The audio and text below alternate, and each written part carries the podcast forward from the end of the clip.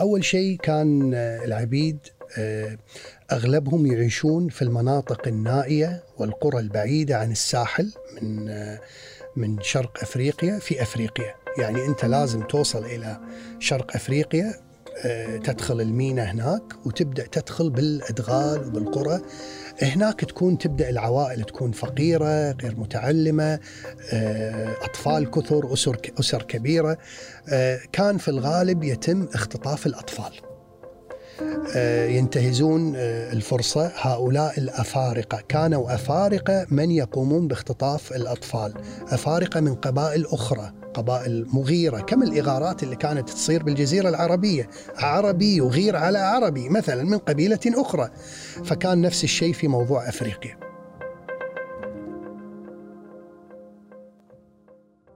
مساكم الله بالخير. اليوم قعدنا مع الدكتور هشام العوضي مؤلف كتاب تاريخ العبيد في الخليج العربي وهو موضوع حساس لكن مهمش.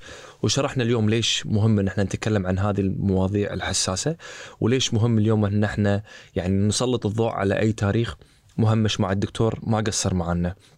تكلمنا عن كل الفصول اللي موجودة في الكتاب منها أعمال العبيد تجارة الرق بشكل عام دور العبيد في الاقتصاد يعني الديناميكية الاجتماعية اللي كانت موجودة وما إلى ذلك. هذا رقم واحد. رقم اثنين إحنا حابين نشكركم صراحة على الدعم اللي المستمر اللي قاعد يعني توفروا لنا إياه في سنة 2021 بما أن إحنا على أبواب 2022 حابين إن إحنا نقول لكم إن إحنا مق... يعني نقدر هذا الدعم وإن شاء الله مستمرين معاكم في 2022 ومشاهدة ممتعة. بسم الله الرحمن الرحيم. بداية دكتور عودا حميدا. عودا حميدا صح؟ إحنا التقينا قبل سنة تقريبا. تقريبا قبل سنة. إيش اللي فات؟ قبل صح صح. إيه. أم بس أنت صغرت. أنا صغرت؟ أنت ما شاء الله ضعف دكتور. الله يسلمك. دكتور إحنا آخر مرة تناقشنا عن كتاب الهبة. ويعني كان في وايد أمور في الكتاب شلون انتقلت الهبة اجتماعيا وتاريخيا بالكويت. واستمتعنا وايد في هذيك الحلقة. عقب فترة الحين صار لك أهم تقريبا قريب السنة نزلت كتاب اسمه تاريخ العبيد في الخليج العربي. أثار اهتمامنا خاصة عقب ما يعني قعدنا مع الدكتور عبد الرحمن الإبراهيم وقال لنا اليوم شنو أهمية التاريخ الهامشي والمهمش وانت سميته تاريخ العوام. فودنا اليوم نتناقش في هذا الكتاب. أنا قريته كله وحتى منيرة قريته. وعندنا وايد تساؤلات. حسينا في وايد أشياء إحنا ما كنا نعرفها خاصة مثلا على سبيل المثال ها 17% من سكان الخليج بذاك الوقت كانوا من العبيد. فشلون ما ندري إحنا ولا هالمعلومه هذه مو حاضرة بكتب التاريخ والفئة الاجتماعية هذه مو موجودة في كتب التاريخ. فبداية حياك الله دكتور وليش تكلمت عن هذا الموضوع رقم حساسيته؟ فيصل مشكور للدعوة المرة الثانية الحقيقة وأنا ممتن ومتشرف. الموضوع مخيف وموتر. لكن نحاول نتعاطى معاه بطريقة تكون صديقة لأذن وعين المستمع والمشاهد. كل كتاب أكتبه أتلبس موضوعه وإن كنت ما يعني أرتبط بالموضوع ارتباط دائم. قبل هبة كتبت كتاب انشروه دار مدارك اسمه كيف مهارات البقاء على قيد الحياة. قلت إن هذه 73 مهارة حياتية يحتاجها كل إنسان يبي ينجح في القرن القرن الواحد والعشرين. قبل مدارك كتبت كتاب اسمه كوني مختلفة موجه للمرأة، شلون تقدر تكون ناجحة في الحياة، وهكذا. عندي يمكن أكثر من عشرة كتب، فكل كتاب أحرص رقم واحد إنه يكون مختلف ورقم اثنين إنه أتلبس الموضوع بشكل كامل. كما الممثل اللي يقول لك أنا أتلبس الدور طالما إني أنا قاعد أمارس هذا الدور في مسلسل أو في فيلم إلى أن انتقل إلى مسلسل أو فيلم آخر. ولذلك أحيانا تسألني عن كتاب سابق ما تستحضرني المعلومات لأني قاعد أشتغل في كتاب حالي. م. الآن أنا جايك الاستديو قاعد أكتب كتاب اسمه تاريخ الكويت سيرة مجتمعية. والحقيقة مستمد أيضا من نفس فكرة تاريخ العبيد وهو إعادة كتابة تاريخ الكويت بالتركيز على من لم يركز عليهم في السابق. أهل القرى أهل الجزر الناس اللي عايشة في البوادي الأطفال المرأة الفقراء المتسولين المرضى العميان. أي. يعني وهذيل أحاول ألتقطهم التقاطات يعني طلعهم من الوثائق مذكورين في سطر واحد أنا أخذهم وأسوي لهم امبليفيكيشن أو تكبير في محاولة للقول بأن تاريخ الكويت غني وثري. وهناك سرديات أخرى غير السردية التقليدية الشائعة. ليش لازم نسوي شيء؟ ليش لازم نحاول نكتب؟ يقول لك هذول ما كانوا مؤثرين بالدرجة الأولى على المشهد السياسي والتجاري، ليش اليوم مهم إن إحنا نتكلم عنهم؟ لم لم لما يعني لما الواحد يقول ما كانوا مؤثرين على المشهد الاقتصادي مثلا بشكل مباشر خلينا نقول مثلا اي هو ينظر إلى التأثير فقط كال output النهائي التاجر الفلاني لكن ما ينظر إلى ال chain ما ينظر إلى السلسلة ما ينظر مو بس إلى الغواص إلى السيب إلى النهام إلى الشخص اللي كان قاعد يوفر الطباخ بالسفينة اللي كان قاعد يطبخ من أجل إن الغواص يكون عنده الطاقة إنه يصيد الدانة اللي تالي يعطيها للطواش والطواش يوديها بومبي ويبيعها. إحنا نغفل هذا ال chain وهذا ال chain أصلا مستحيل يعني يعني ما يخالف ما كان الهلال فجحان المطيري إنه يكون multi millionaire إلا مع وجود 7000 غواص. هذيل اللي, غ... اللي هاجروا معاه إلى البحرين تالي يوم طلع من الكويت واستقر فترة في البحرين. صح. العبيد نفس الشيء. ونرد الآن إلى سؤال ليش العبيد؟ أنا أتساءل إحنا الآن كان نقول مثلا عندنا خلينا نقول 200 300 أسرة مسيحية في الكويت. كويتيين. ونفس الشيء يهود 200 أسرة 100 أسرة كثير منهم خرج وذهبوا إلى مثلا إسرائيل أو دول أخرى. وتكتب عنهم الكتب وتعمل عنهم المسلسلات. طيب أنت كان عندك مليون شخص وأكثر امرأة ورجل ما زالوا موجودين ما سافروا ما راحوا أي مكان آخر. هل يليق أنك تغفل عن هؤلاء أيا كانت الذريعة أو الحجة نبيلة؟ بمعنى الموضوع حساس. كلنا عبيد الله. آه لا هذول الآن أصبحوا مواطنين. ليش ننبش آلام, آلام الماضي؟ صح. هو السؤال غلط أصلا. فبالتالي لما السؤال يكون غلط أنا راح ألام. أنت ليش كتبت هالكتاب؟ راح ألام لأن السؤال غلط. صح. أنت ليش تنبش آلام؟ من قال لك أنا أنبش آلام الماضي؟ أنا قاعد أتكلم عن فئة من الناس. بالضبط هي التي لا نستطيع أن نفهم تاريخ الغوص. تاريخ الزراعة واقتصاد الكويت إلا بأن إحنا ندخلهم في المعادلة شئنا أم أبينا. وبعدين لازم نعطيهم مسمى. مو عاجبك كلمة عبيد؟ قول أرقاء قول مملوكين. لكن أنا مصر على كلمة عبيد لأن المعنى العام لكلمة عبيد غير المعنى الدارج في اللهجة الكويتية أو الخليجية. شلون؟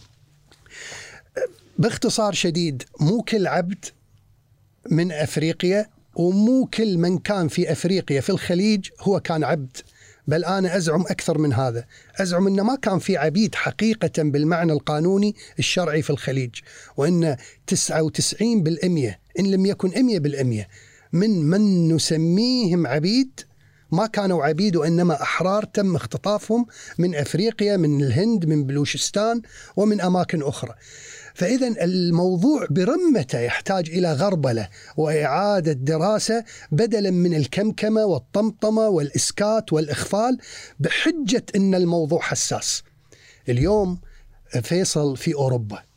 يعني هتلر حساس النازية حساسة الستة مليون آه، يهودي اللي تم آه، خنقهم وقتلهم بالغاز الموضوع حساس. إلى يومك قاعدة تطلع كتب في ألمانيا في أمريكا في أوروبا وتدرس في الجامعات. الحرب العالمية الأولى اللي كانت مثلا خلينا نقول بين بريطانيا وألمانيا يقف البروفيسور في المحاضرة يحاضر للألماني وللفرنسي عن حرب دارت بين الدولتين. صح. هل يخرج الفرنسي أو البريطاني الطالب بعد المحاضرة يتهاوش يتناجر مع الكذا؟ لا. ليش؟ لأن يعرفون مهارة طرح الماضي بحساسيته بدون إثارة نعرات وحساسيات حاضرة إحنا بدال ما نشتغل على هالمهارة اللي إحنا نفتقدها الأفضل والأسهل والأيسر والأحوط نحن نسكت عنها لكن اليوم أنت عندك جيل اولا جيل منفتح على العالم وقاعد يشوف وقاعد وقاعد وقاعد يقرأ. طيب هذا الجيل لما يروح ويقرأ إن في ناس قاعدة تكتب عن ديرته آه كتب تحليلية وتفسيرية أكثر مما يكتبه المواطن. مو يصاب بحالة من الإحباط؟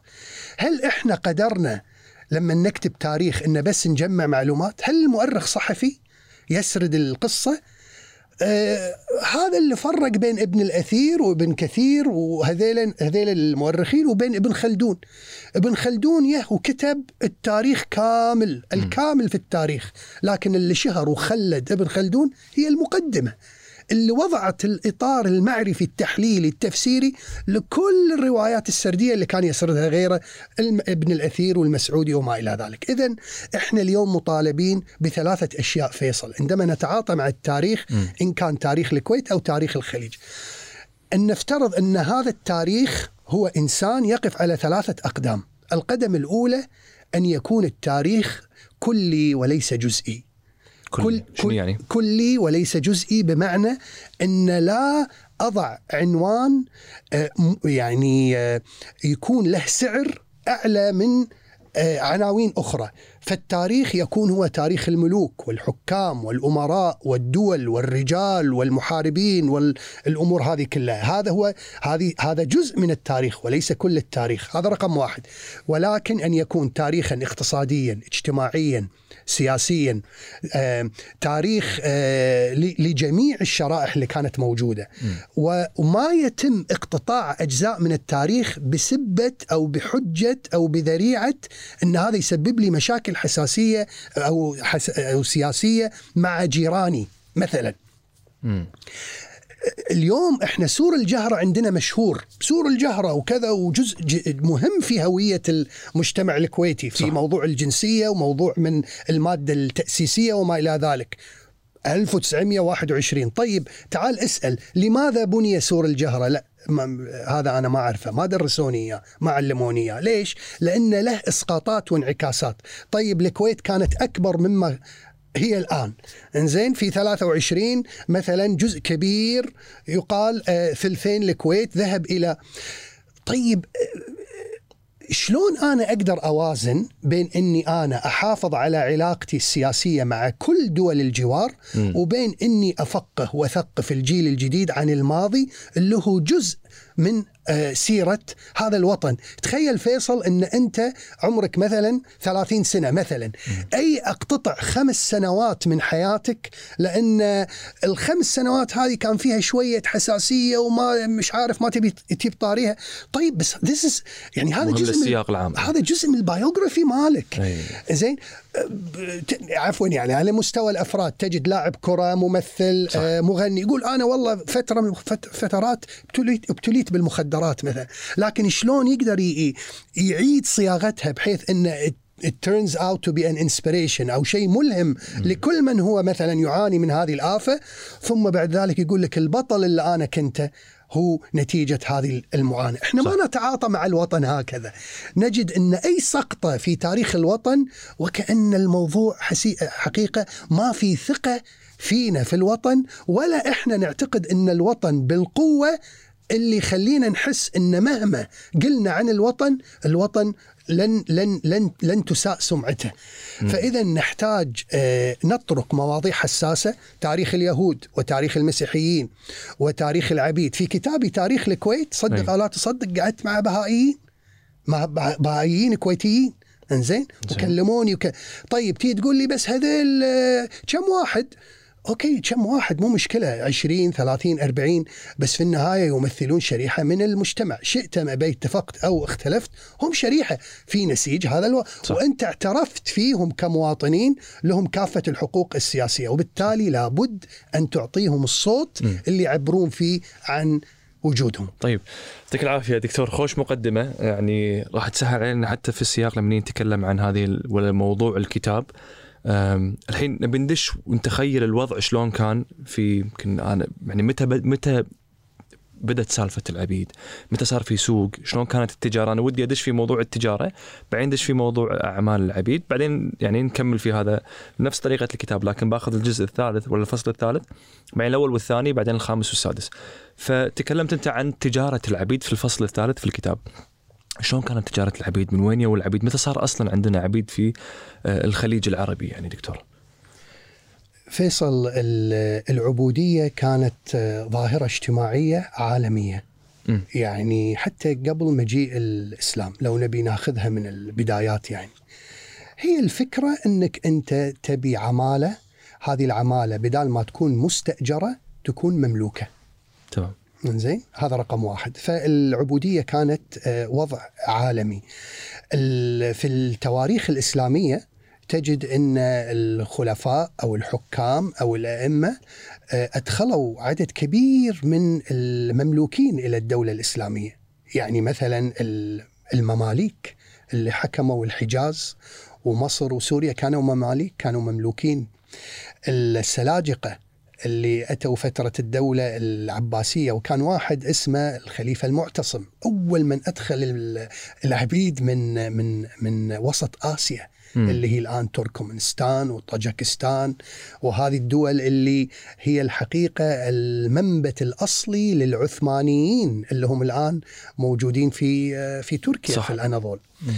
الرومان كانوا يأتون بالعبيد من من من من أوروبا ومن آسيا. صح. ولما طلعت وياك قبل سنة وتكلمنا عن هبة ذكرت كتاب أنا طرق الحرير. في أحد الفصول يتكلم عن حركة العبيد الجغرافية وشلون كانت الجغ- جغرافيا العالم هي كانت عبارة عن بولز يعني مخازن بشرية. فمرة أنا آخذ عندما تسمح لي الحاجة وتتوفر لي العرض والطلب والسوق آخذ من الصقالبه أو آخذ من الأتراك أو آخذ يعني تقريبا كثير من الاثنيات والأعراق في العالم كانوا ضحية لهذه السوق فهي كانت م- مسألة سوق مو مسألة والله يعني كان في عنصرية ضد نوعية معينة ولا فئة معينة. آه، من الناس تماما تماما. إيه، ومو بالضرورة كانت كما نفهم نحن الآن طبعا هذا مو لتبرير الوضع وإنما مو بالضرورة كان فيها اكسبلويتيشن يعني عنصر الاستغلال مو بالضرورة كان. ولذلك المماليك أو غير المماليك كثير من العبيد صعد في السلم الاجتماعي ومنهم أصبح لأنهم ما كانوا يظلون عبيد أحيانا.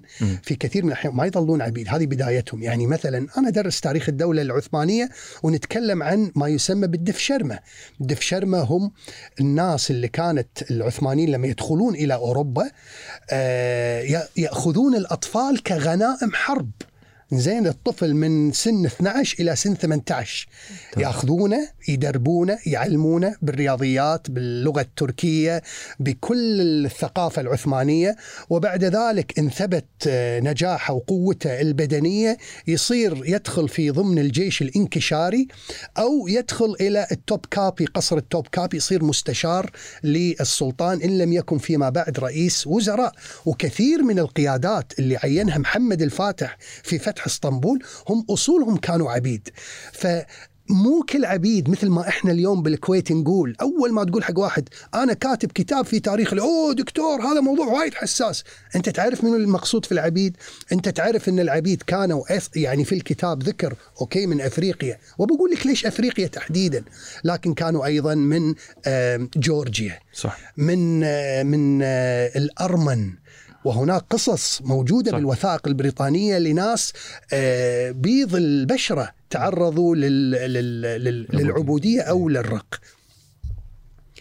أوروبا هي أكثر جغرافيا منطقة جغرافية آه، استعبدت العبيد. وكانوا يأتون منه يعني يأتون بالعبيد من آسيا. لما الدولة العثمانية سيطرت على المنطقة هذه كلها الأناضول سدت باب ولوج العبيد إلى أوروبا من آسيا. فاضطر الأوروبيين اللي في تلك الفترة اكتشفوا أمريكا من أنهم يبحثون عن طرق بديلة للعبيد في آسيا. تمام. فاضربوا إيه. ستامبلد ابون مثل ما يقال ضربوا في أفريقيا. فلقوا أن أفريقيا فيها كم هائل صح. من البشر خصوصا بعد اكتشاف طريق رأس الرجاء الصالح إلى الهند. فبدأ في القرن تقريبا ال 1600 1700 بدأ يكون في shift لسوق العبيد من أوروبا وذوات من. البشره البيضاء الآسيا وما ذلك الصين المغول التتار إلى أنهم يكونون Africans أف... يعني أفريقيين. وتم سحب أول فوج من العبيد الأفريقيين من غرب أفريقيا لأن كانت هذه هي النقطة القريبة جدا إلى أمريكا اللاتينية وأمريكا الشمالية اللي تم طبعا اكتشافها على يد كولومبوس. صح. فخذوا العبيد في هذه الفترة. طيب آه العبيد هذيل آه بربطهم مع ال- الخليج. العبيد هذيل. آه لما تم يعني آه أخذهم من غرب آه أفريقيا آه بدأت الإمبراطوريات مثل بريطانيا هولندا فرنسا بدت ال- توسع دائرة الإمبريالية. فخرجت من أمريكا اللاتينية وبدت تستعمر أماكن مم. في الهند آه، وفي موروشس وفي الجزر الآسيوية وأسقطت نفس حاجتها للعبيد في أمريكا اللاتينية لزراعة قصب السكر وما إلى ذلك. بدت تبي تطبقها في المستعمرات اللي هي احتلتها في المحيط الهندي. فبدأت تب... بدأت تبحث عن العبيد. طيب العبيد الأقرب إليها الآن أفارقة صح. لكن الأقرب شرق أفريقيا. شرق أفريقيا. شرق اللي أفريقيا. هي شنو الدول اللي في شرق أفريقيا مثلا؟ كينيا. أي. تنزانيا. آه، بومباسا. موزمبيق آه،؟ موزمبيق زنجبار. هذه كلها مدن كانت تخدم على على شرق أفريقيا. مم. منو اللي استفاد من هذه السوق؟ منو؟ العمانيين. شلون؟ لأن عمان في الفترة هذه كانت تحكم شرق أفريقيا. عمان دولة خليجية تستحق دراسة مستقلة عن ذاتها عن سائر دول الخليج لأنها كانت أول إمبراطورية بحرية في الخليج العربي. شلون؟ السلطان سيد بن آه، بن سعيد. هذا هو مؤسس الإمبراطورية العمانية. ها؟ آه، حدودها امتد طبعا من عمان إلى شرق أفريقيا. العاصمة اللي كانت في شرق أفريقيا هي زنجبار. إلى غوادور غوادور الآن ميناء في باكستان ولكن كان جزء من الهند في تلك الفترة. تخيل هذا المثلث وما به من بحار مم. كان تبع للإمبراطورية العمانية. وكانت إمبراطورية بحرية مو برية. بحرية ها؟ بحرية. عندهم أسطول يقال أن هذا الأسطول مكون من سفن تتجاوز بعدة مئات إن لم يكن الآلاف الأسطول الفرنسي. اللي هو كان من أقوى الأساطيل إي، إي. وقبل تطور الأسطول طبعا البريطاني اللي كان number 1 وبعدين بدأ الأسطول الألماني آه، ينافسه. فهم أكثر دولة استفادت من يعني خلينا نقول تجارة العبيد في الساحل الشرقي الغربي الشرقي لافريقيا لأنهم كانوا البوابين لهذا الساحل. البوابين لهذا الساحل واستفادوا. فإذا أول تجارة العبيد يعني قصدك كجمارك ما جمارك آه، ولا شنو نقصد؟ استف... استفادوا جمارك إيه. ضرائب آه هم هم ال suppliers تخيل يعني موردين، ها؟ افت- إذا افترضنا موردين افترضنا إن العبيد سلعة آنا المنتج لهذه السلعة. هم كانوا يشوفونها كسلعة. ولا كانوا يشوفون العبيد كسلعة هم يعني. كانوا يشوفون العبيد كسلعة. إيه. وهم كانوا ما هم ما كانوا يقدرون يشوفون العبيد غير إنهم سلعة. ليش؟ شو لأن وهذه نقطة وايد مهمة فيصل. إحنا لازم لما ندرس التاريخ مهم جدا إن ندرس الذهنيات ال mindset ال mentality أنا قاعد أقرأ الآن في نظرية اسمها shifting shifting baseline syndrome أو متلازمة التغيير تغيير القيم المستمرة. فيصل كل جيل يستمد نظرته للأمور من الزمن اللي هو يهفيه. مم. يعني مثلا أضرب لك مثال ما أدري قد معاصر ومثير للجدل. أنت تجد إن كل مواليد الخمسينات ما لهم إلا إنهم يكونون قوميين عرب. فترة الخمسينات يعني مستحيل تكون أنت بالخم... مو مستحيل بس نادر تكون بالخمسينات مولود مواليد الخمسينات والستينات إسلامي. صعب ها ص- مو مستحيل لكن صعب. ليش؟ الفترة هذه شهدت فت- فترة نشأة إسرائيل. هزيمة العرب في حرب فلسطين. آه، نشأة الدولة القومية بعد سقوط الدولة العثمانية. في الفترة هذه يه عبد الكريم قاسم في العراق ويه عبد الناصر ويه علي عبد الله صالح في اليمن ويه القذافي في ليبيا فترة الخمسينات والستينات يسمونها فترة العسكر هؤلاء العسكر كان راس مال شعبي شعبيتهم على الرغم من أنهم أتوا بانقلابات عسكرية هو وعدهم للشعوب العربية بأنهم سيقومون بتحرير فلسطين.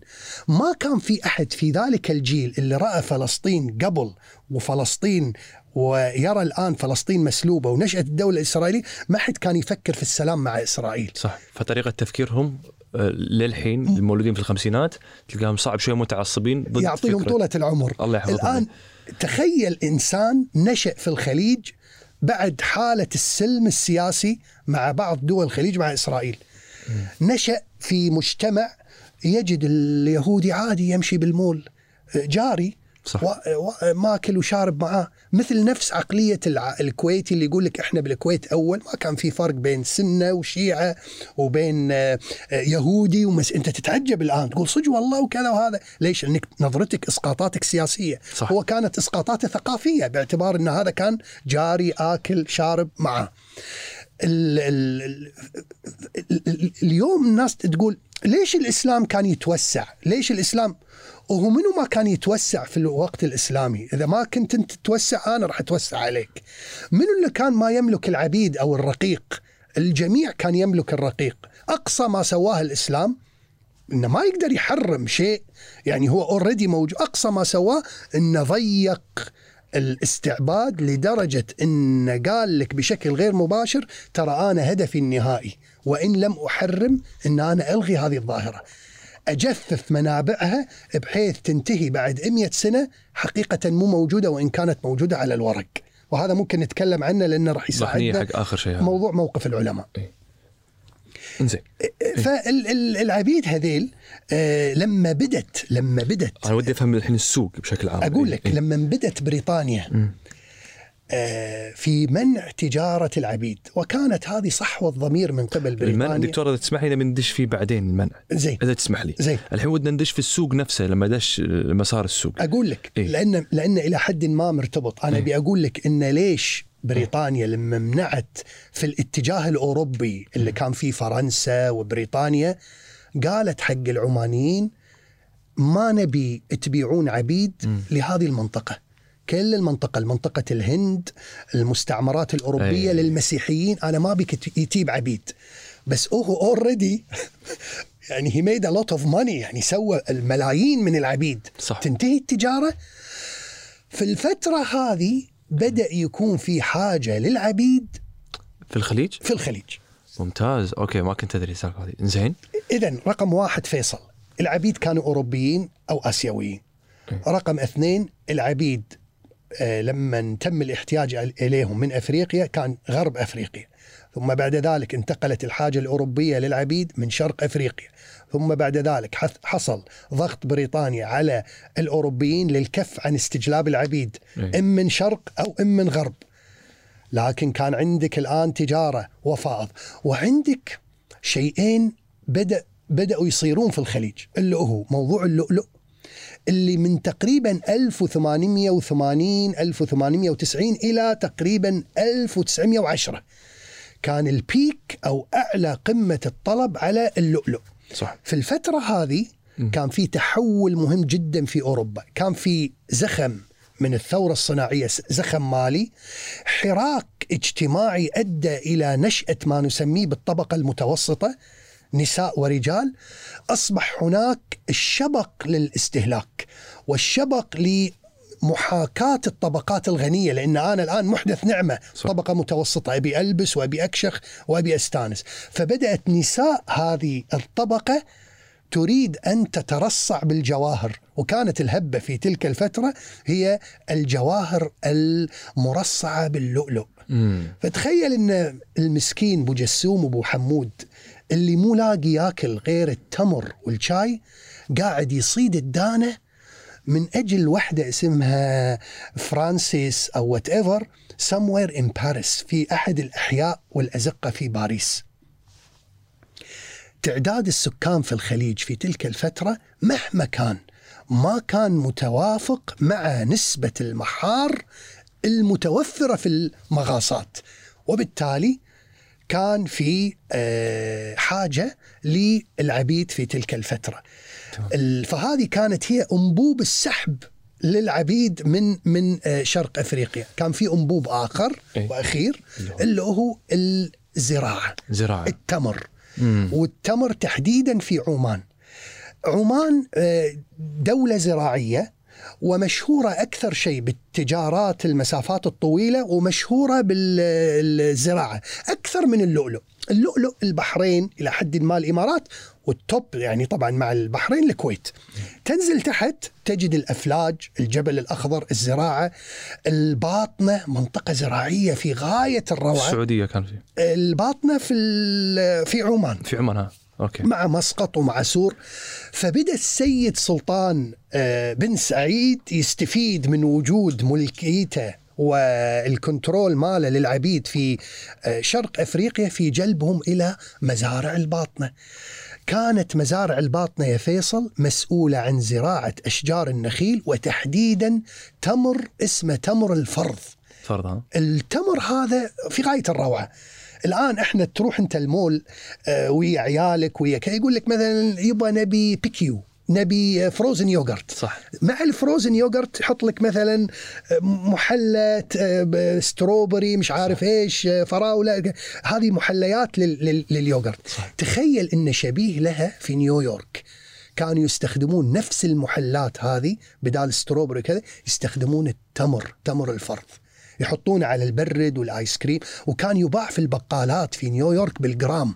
كان غالي جدا. بالجرام ها؟ بالجرام. وكانوا ينطرونه نطرة من إنه يجيبونه من الباطنة وبالتالي اكتشفوا البصرة آه ويجيبونه بالسفن البخارية الأمريكية. الآن ما نتكلم على أوروبا والعبيد لا نتكلم على تمر الفرض يؤخذ من الباطنة ويباع. في نيويورك تذكرت حتى السفن العمانية بالكتاب إنها كانت توصل نيويورك كانت توصل نيويورك وخذوا هناك هدايا خيول ومش عارف إيش. الرئيس الأمريكي فكان- خذ الخيل وباعه في أحد المزادات. فكانوا يحتاجون العبيد علشان يعني يزرعون هذه التمور. هل والحين تكلمنا عن عمان أنت بطاري آه، الإمارات البحرين الكويت. شنو كان وضع قطر والسعودية بذاك الوقت؟ آه، كان في عبيد ولا ما كان في عبيد؟ قطر كانت تسحب عبيد.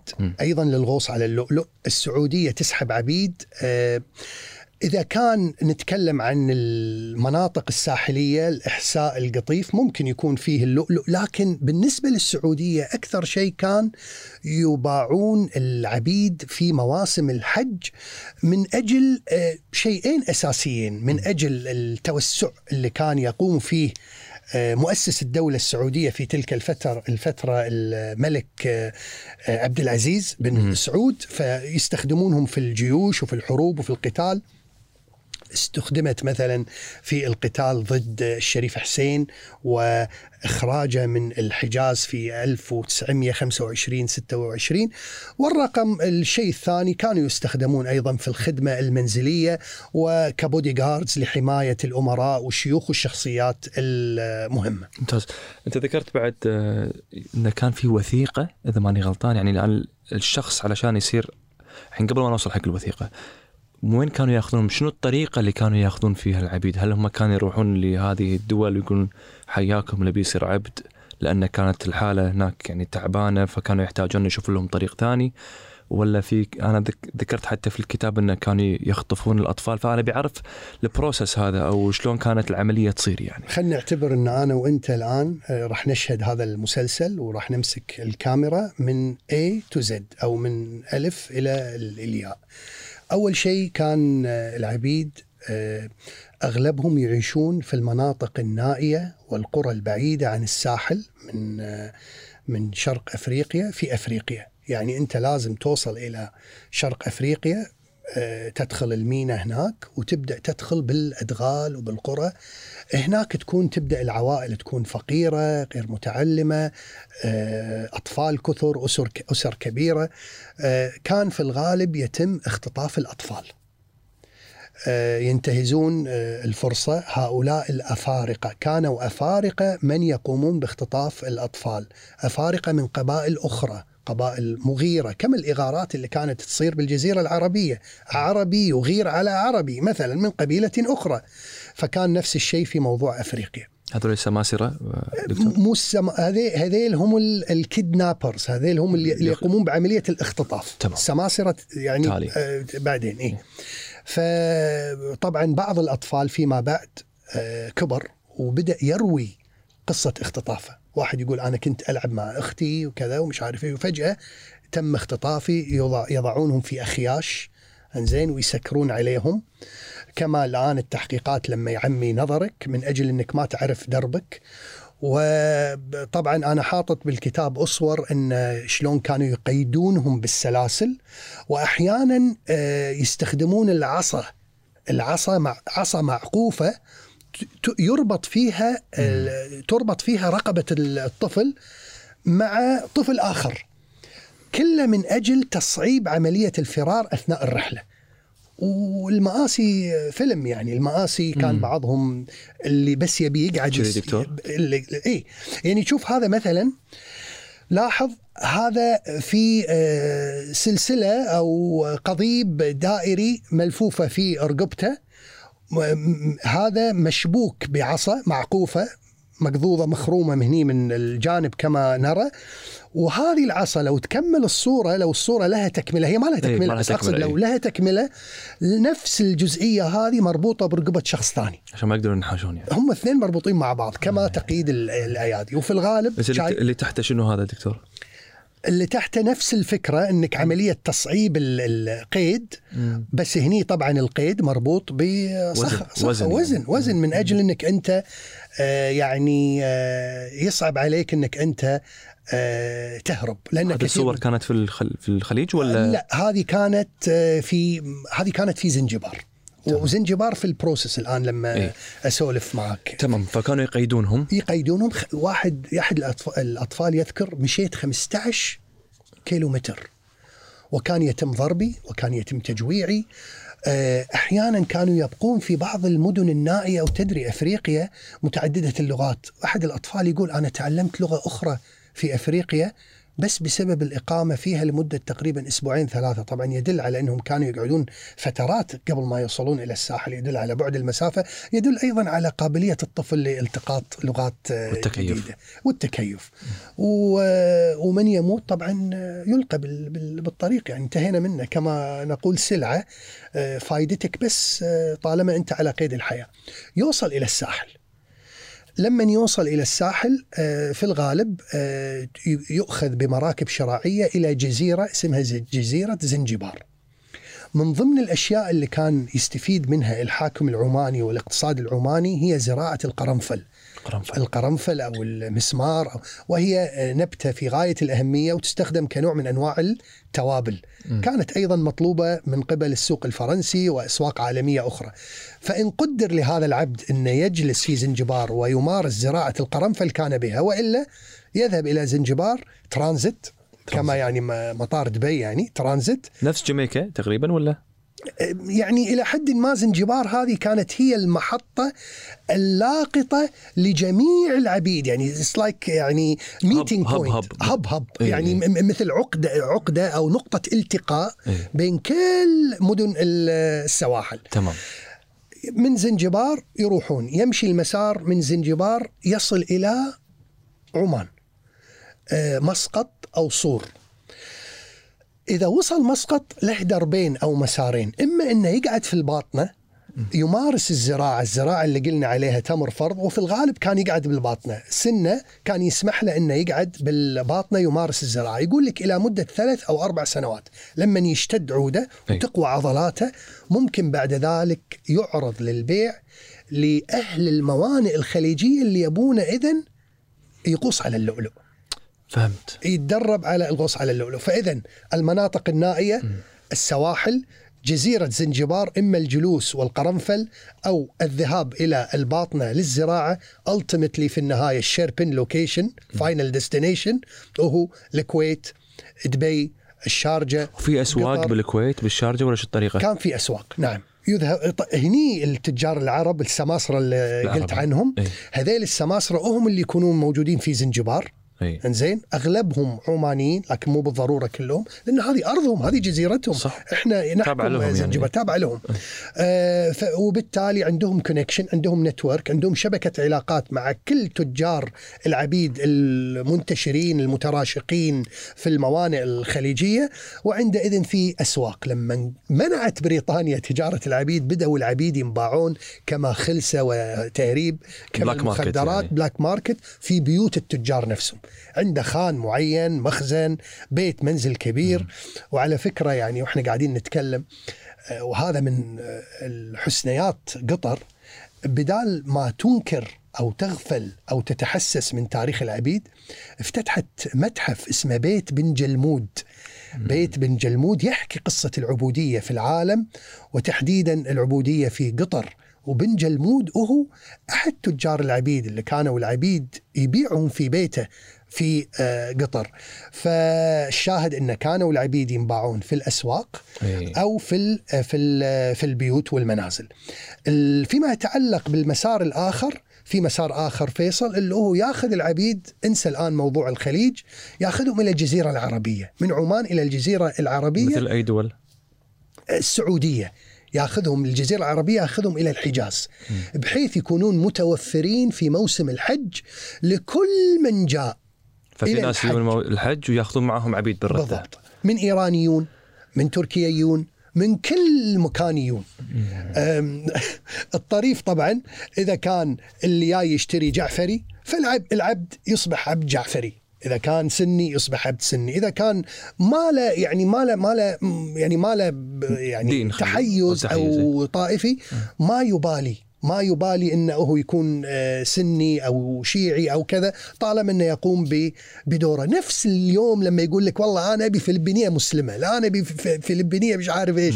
واحد يقول لك أنا يعني أنا لا, لا أبالي طالما إنه. ف- فهذا.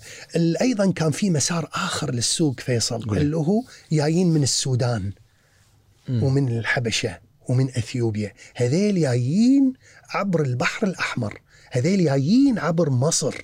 ويدشون إلى الخليج أو إلى الجزيرة عبر ميناء جدة تخيل مدى صعوبة آه، بريطانيا في محاولة تتبع كل هالمداخل صعب- هذه صعب. كانت كانت خاصة كان في صراع. طلب للاستهلاك نعم. يعني وطلب للمنتج نعم. ايا كان سواء كان لولو ولا تمر ولا. غيره أم، أنت كنت تقول ولا كان في وثيقة آخر شيء تنعطى حق صاحب.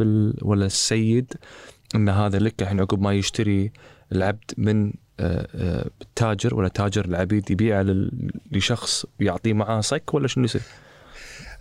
إجراءات كثيرة أول شيء لازم يتم فحص العبد وهناك طرق وآليات. بعضنا الآن لو بنقراها بطريقتنا المعاصرة راح نشوف إن فيها امتهان وفيها أحد ال- المؤرخين الأوروبيين يقول آه، خلينا ننظر لها ونعتبرها مثل ما الدكتور آه، اليوم يكشف عليك ويضطر إنه يحط إيده بمناطق معينة من من باب الكشف حتى يعني لا لا نصاب بالذهول. آه، كان العبد يعني يسأل المشتري يسأله عن سنه يشيك أسنانه يشيك عيونه.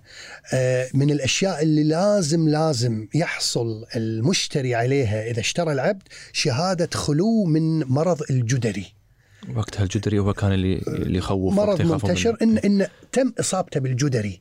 إنه تم إصابته إن, إيه إن م- خلاص عنده immunization إيه، يعني. إيه. إنزين للأسف ما كانوا يسألون عن كوفيد وقتها أهم شيء إنه يكون مطعم من الجدري إنزين آه بعدين ياخذه.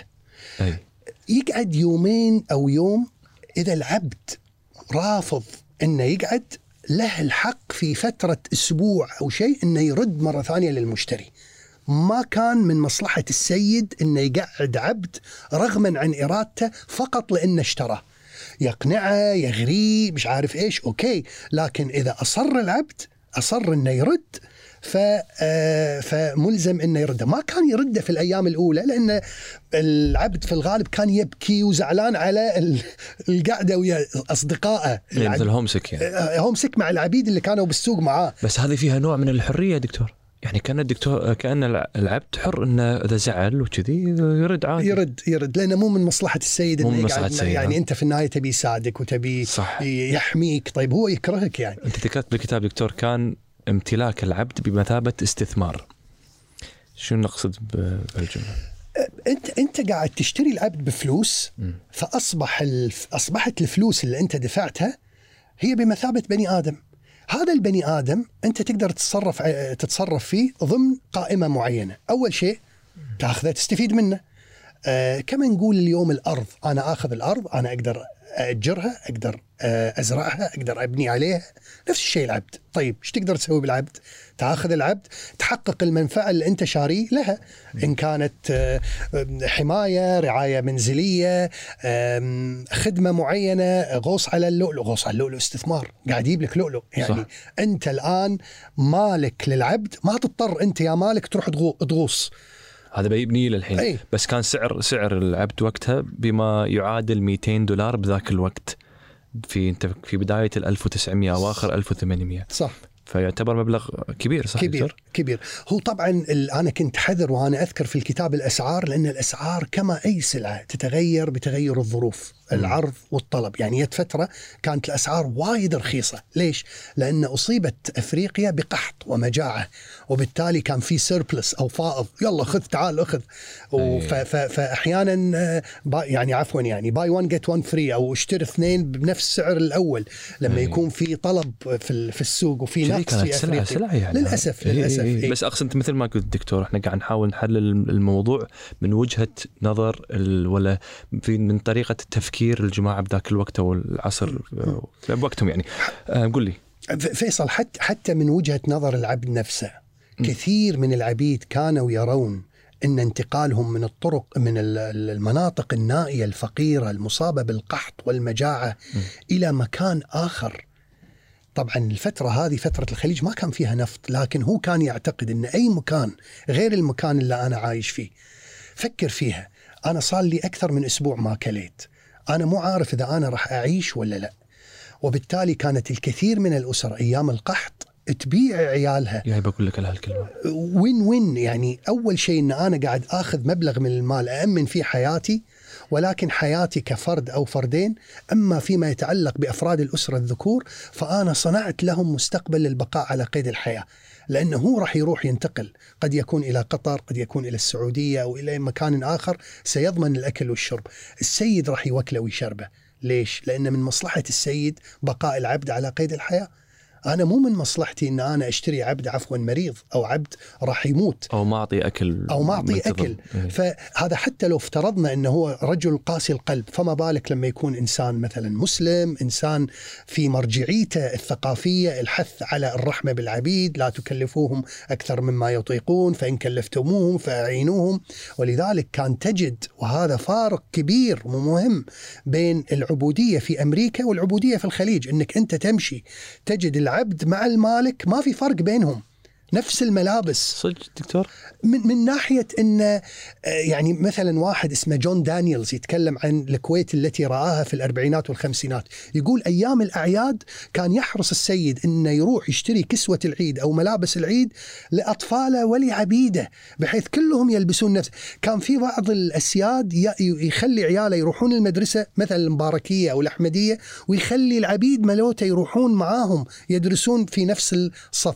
كانت العلاقة في اعتقادي أشبه ما تكون بعلاقة السيبلينجز أو علاقة الإخوان. ياكل ويشرب بعدين فكر فيها. وتشوفها اليوم يعني مع تعاطينا مع الخدم هذه واجهة لي هذه سمعتي أنا لمستواي أنا. هل أنا أرضى أدلل على مستواي؟ مهما كنت فقير على إني معدم مخلي عبدي كما يرتدي غاندي نص عاري؟ لا. كل ما أهتم بعبدي كل ما فهذه سمعة لي. وجاهة. وجاهة وجاهة. زين دكتور آه، لما نتكلم عن آه، تكلمنا عن المسيرة تكلم إي كانوا يستبدلون العبيد ببضائع. يعني كنت أنا أعطيك سلاح تعطيني عبيد كانت كذي ها؟ يعني أنا بس أبي أعزز فكرة انه انه ممكن حتى يعاملون كسلعة بطريقة بحتة يعني. ال- ال- السلعة فيصل أول أما إنك أنت تبدلها بنقد كاش مم. أو يسمونه bartering in kind أو trade in kind اللي هو في مقابل شيء معين سكر شعير قمح أسلحة آه، من ضمن الأشياء التي ازدهرت في الخليج إلى جانب تجارة العبيد كانت تجارة الأسلحة. الأسلحة كانت تي من الموردين الأوروبيين آه، سوق سودا طبعا آه، تدخل إلى سواحل الخليج الكويت تحديدا آه، قطر البحرين ثم بعد ذلك يكون مسارها عليها الطلب أكثر ما يكون في إيران. في إيران ها في إيران ومن إيران آه، تنتزعها القبائل اللي قاعدة تحارب. شوي سياسه ما يخالف أو أي. تاريخ وايد معقد بس طبعا يعني ويكيبيديا stuff أي كلمة أقولها يقدر الشخص الآن يسوي له search بالويكيبيديا. اللي كان يحكم إيران في تلك الفترة كانت أسرة مو الصفويين وإنما أسرة اسمها القاجريين القجار مو غجر قجار. هذا اسم العائلة. تمام. يعني إيران حك- حكموها الصفويين 200 سنة تقريبا بعدين القاجريين بعدين شاه بهلوي. زين هذا أبو ال- الأب والابن بعدين صارت الثورة الإيرانية. هذا الآن إيران 101 for for أدري for beginners أدري. المهم الدولة القجريه هذه كانت دولة مكروهة وكثير من القبائل كانوا يثورون ضدها حتى بقيادة كثير من العلماء. وكان من ضمن القبائل قبائل افغانيه أيضا. هذه القبائل كانت هي المستهلك الرئيسي للأسلحة. فكانوا بعض الإيرانيين أو بعض القبائل في بلوشستان يعطون قادة الخليج وحكام الخليج عبيد. وهذه أيضا تعزز فكرة إن العبيد مو كلهم أفارقة.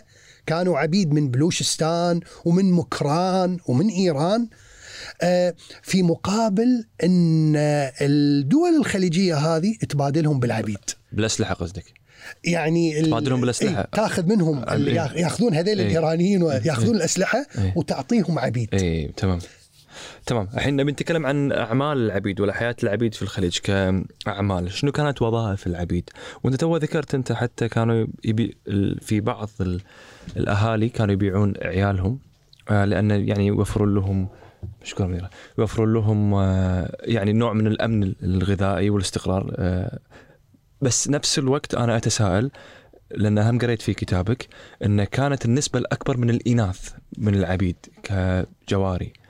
لكن شلون إحنا قاعد نذكر إحنا قاعد نتكلم الحين كأن أغلب العبيد كانوا من الرجال. لكن نفس الوقت أغلب العبيد كانوا من النساء. واللي فهمته أنا يمكن أكون غلط أنا بعد. غلط ها؟ مل- لا لا بالعكس أنا بأثني عليك وأقول لك إيه. ملاحظاتك ذكية ما شاء الله. لأن آه، هذه هذه أحد مشاكل التاريخ إن أحيانا التعداد يكون تقريبي من قبل الرحالة الأوروبيين اللي كانوا يقولون العدد الفلاني أو كذا وقد تكون صحيحة وقد تكون غير دقيقة.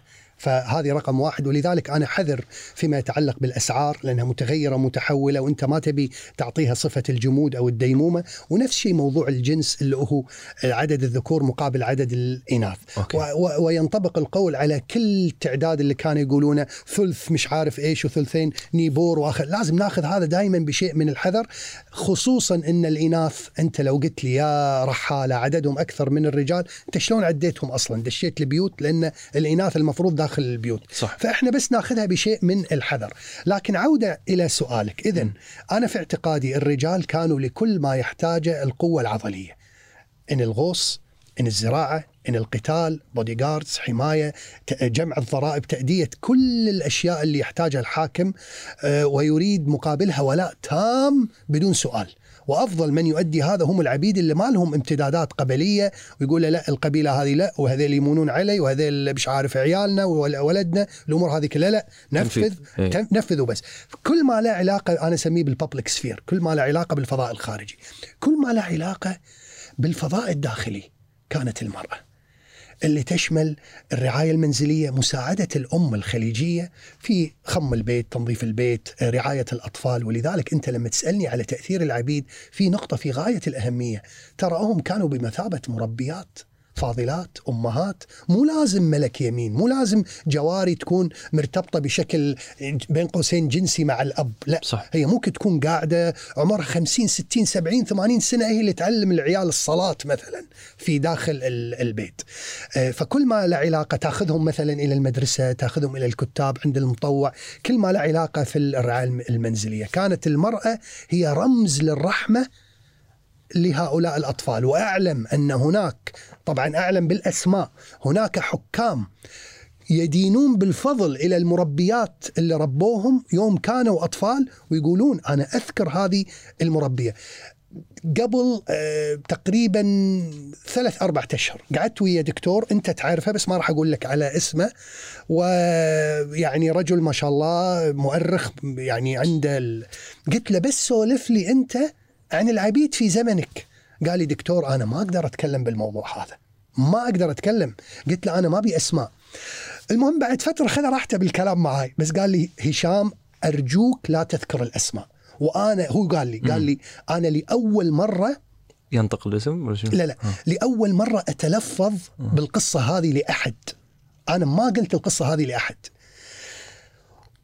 أنا لل... ليو هو يقول لي أنا ليومك بعد صلاة الفير لازم أدعو أدعو لأبوي وأمي رجل كبير بالسن يعطي له طولة العمر أدعو لأبوي وأمي وأدعو لي وأعطاني اسم امرأتين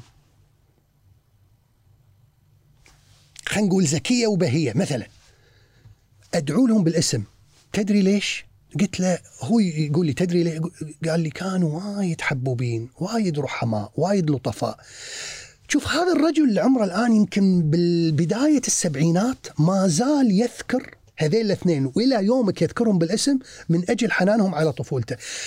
هذا فيصل اللي ما تجده في الوثائق اللي مكتوبة اللي كتبوها ألو... الوكالات البريطانية عن العبيد اللي يفرون من آه، بيوت أسيادهم نتيجة سوء المعاملة، لأن هذيل هذه قصص يقول لك هذا شيء ديني أنا ما أقدر أقوله، الناس اللي كانت تعتق في سبيل الله، يروح يكتب يطلع مؤتمر صحفي بقناة الجزيرة يقول أنا اعتقت في سبيل الله. كانوا يعتقون بالسر كانوا يعطون كانوا يتصدقون. اذا حتى بيوت كانوا يعطون. كانوا يعطون وذكرنا وأنت عارف طبعا م. ذكرت لي أسماء بعض العوائل وكذا اللي كانت تعطي بيوت. طبعا بعضهم كان يعطي اسمه. اسم العائلة نفسه صح أو غلط لكن كان يعمل كل ما في وسعه من أجل تمكين هؤلاء الناس للانصهار في المجتمع، وأنا أتفهم هو ليش ما يبي يتكلم؟ لأن جزء منه إنه ليش أحرجه؟ ليش أنبش آلام الماضي؟ ما زلت أعتقد إنه آه، ممكن نعملها بطريقة نتكلم عن الظاهرة بسلبياتها وإيجابياتها وبعد ذلك نتجنب ذكر الأسماء. فخذيت مالك من الغموض ومن آه، يعني آه، اقضوا حوائجكم بالكتمان وكل ما يتعلق بالستر لكن في نفس الوقت ما حرمتنا إحنا كجيل جديد أو أنت وكجيل جديد من إنه يستفيد من معرفة هذه الظاهرة. زين الزواجات الدكتور شلون كانت؟ أول تبي تشرب مي عشان أنا قاعد أنشف ريجي قاعد أحس. لا لا بالعكس. إيه، آه قاعد تنشف تمون دكتور. الله يسلمك. أنت اللي تمون. حبيبي. أقول لك آه، زواجات الحين شلون كانت الزواجات؟ شلون يعني كانت الحياة الاجتماعية؟ حتى حتى فكرة الزواجات أيضا اللي هو نتكلم على shifting baseline syndrome متلازمه التغيير. الآن أنت مو بس عندك تزوج واحدة لا عندك للأسف نسبة الطلاق عالية. يعني نسبة نسبة اللا زواج أصبحت عالية. فيا ريت زوجة واحدة وتلتزم وتحافظ عليها وهي تحافظ عليك. عموما في تلك الفترة التعدد كان الأصل. التعدد كان الأصل. لمجموعة أسباب. أول شيء فكرة ال شوف فيصل الاقتصاد اللي كان قائم على اليد العاملة كان مهم جدا لفهم ذهنيات الناس في تلك الفترة. تمام. فكرة العزوة فكرة القبيلة الكبيرة العودة فكرة الحروب وخوض الحروب ولازم يكون عندي عدد كبير من القبائل من من من, من أفراد القبيلة. ينطبق هذا أيضا على الأسر الحاكمة. كل ما يكون عندي ذكور كل ما يكون أفضل. كل ما يكون عندي آه كل ما كل أسرة تكون مكونة من 20 30 واحد كل ما الافضل م. هذا كان الأصل في تلك الفترة. تمام. الآن الماكينة النفط الكذا ال parenting الأبوية والتركيز على ال quality مو ال quantity هذا أفرز ذهنية أخرى. عموما تمام.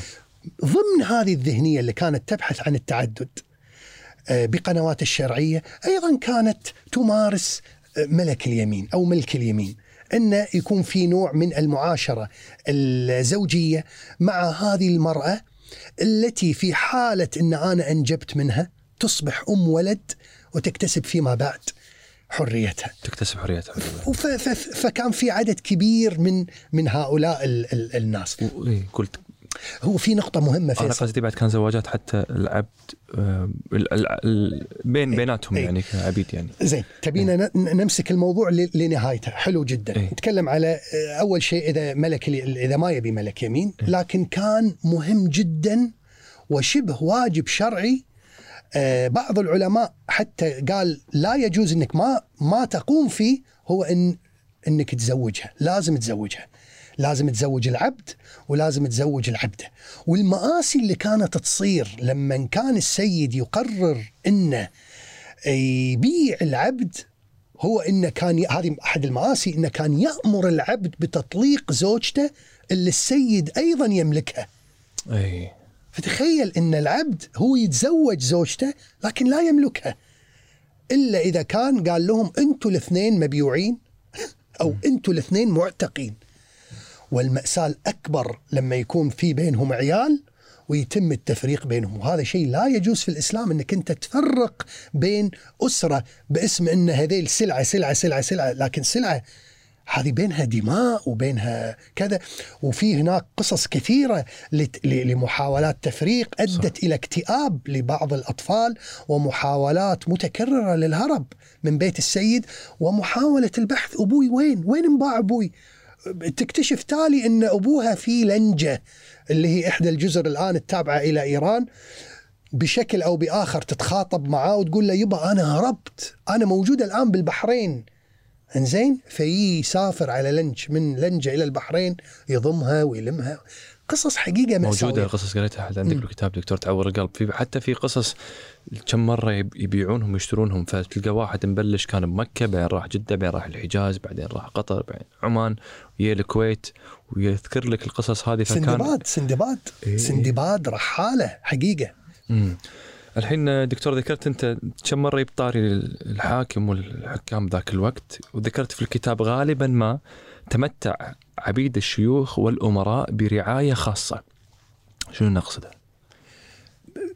أول شيء ال- العبد اللي مم. كان يشتريه الحاكم آه، طبعا كان كثير من القبائل تهدي الحكام عبيد فأنا عفوا يعني أهديك الجمل أهديك خيل أهديك عبيد وأنا لما أهديك عبيد أنا قاعد أعطيك يعني first class يعني. بالقوة بالأمانة ممكن بالشكل بالوسامة إن كانت امرأة بالجمال وما إلى ذلك. فكثير من العبيد اللي كان آه، يعطون للحكام كانوا هدايا أو كانوا العبيد يشترونهم ولكن مو من الأسواق النخاسة العامة اللي يروحونها عوام الناس ولكن لهم الطرق اللي تصل السلعة لمكانة لبيته وفق شروط يعرفها التاجر جيدا. هذا رقم واحد. رقم اثنين في حالة أن الحاكم يبي يبيع العبد ما يبيعه في اللوكل ماركت ما يبيعه في الوطن ماله وإنما يبيعه في مكان آخر وهذا مفهوم لأنه آه، ما ما ينبغي أو ما يجوز أو ما يليق أن شخص من العوام يتملك عبد الحاكم. أسرار الحاكم مش عارف إيش كل الأمور هذه كلها ما ما ينبغي إنها هي تنشر. ها؟ مم. فإما انه كان يحتفظ فيه أو يعتقه أو يبيعه لكن خارج إطار ال- ال- ال- ال- الدولة أو المكان اللي كان يحكمها الحاكم. الآن تسألني رعاية خاصة. أكيد رعاية خاصة تليق بالحاكم. المهن اللي كان أو ال- الواجبات المهمات. أنا بقول لك على قصة حساسة. قولي. حساسة لأن ما حد يعرفها لكن بقولها لأنها مكتوبة. وموجودة فأنت هشام ليش تعلم السر هذا؟ هذا مو سر موجودة في صفحات من تاريخ الكويت يوسف الجناعي. يتكلم عن عبد اسمه عنبر.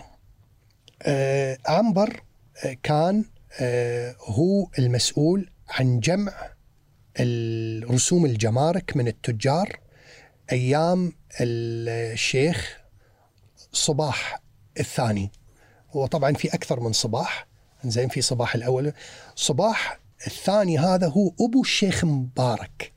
يعني صباح الثاني هذا ياب آه، عبد الله حكم عبد الله الكويت. بعدين صباح أيضا ياب محمد محمد حكم الكويت.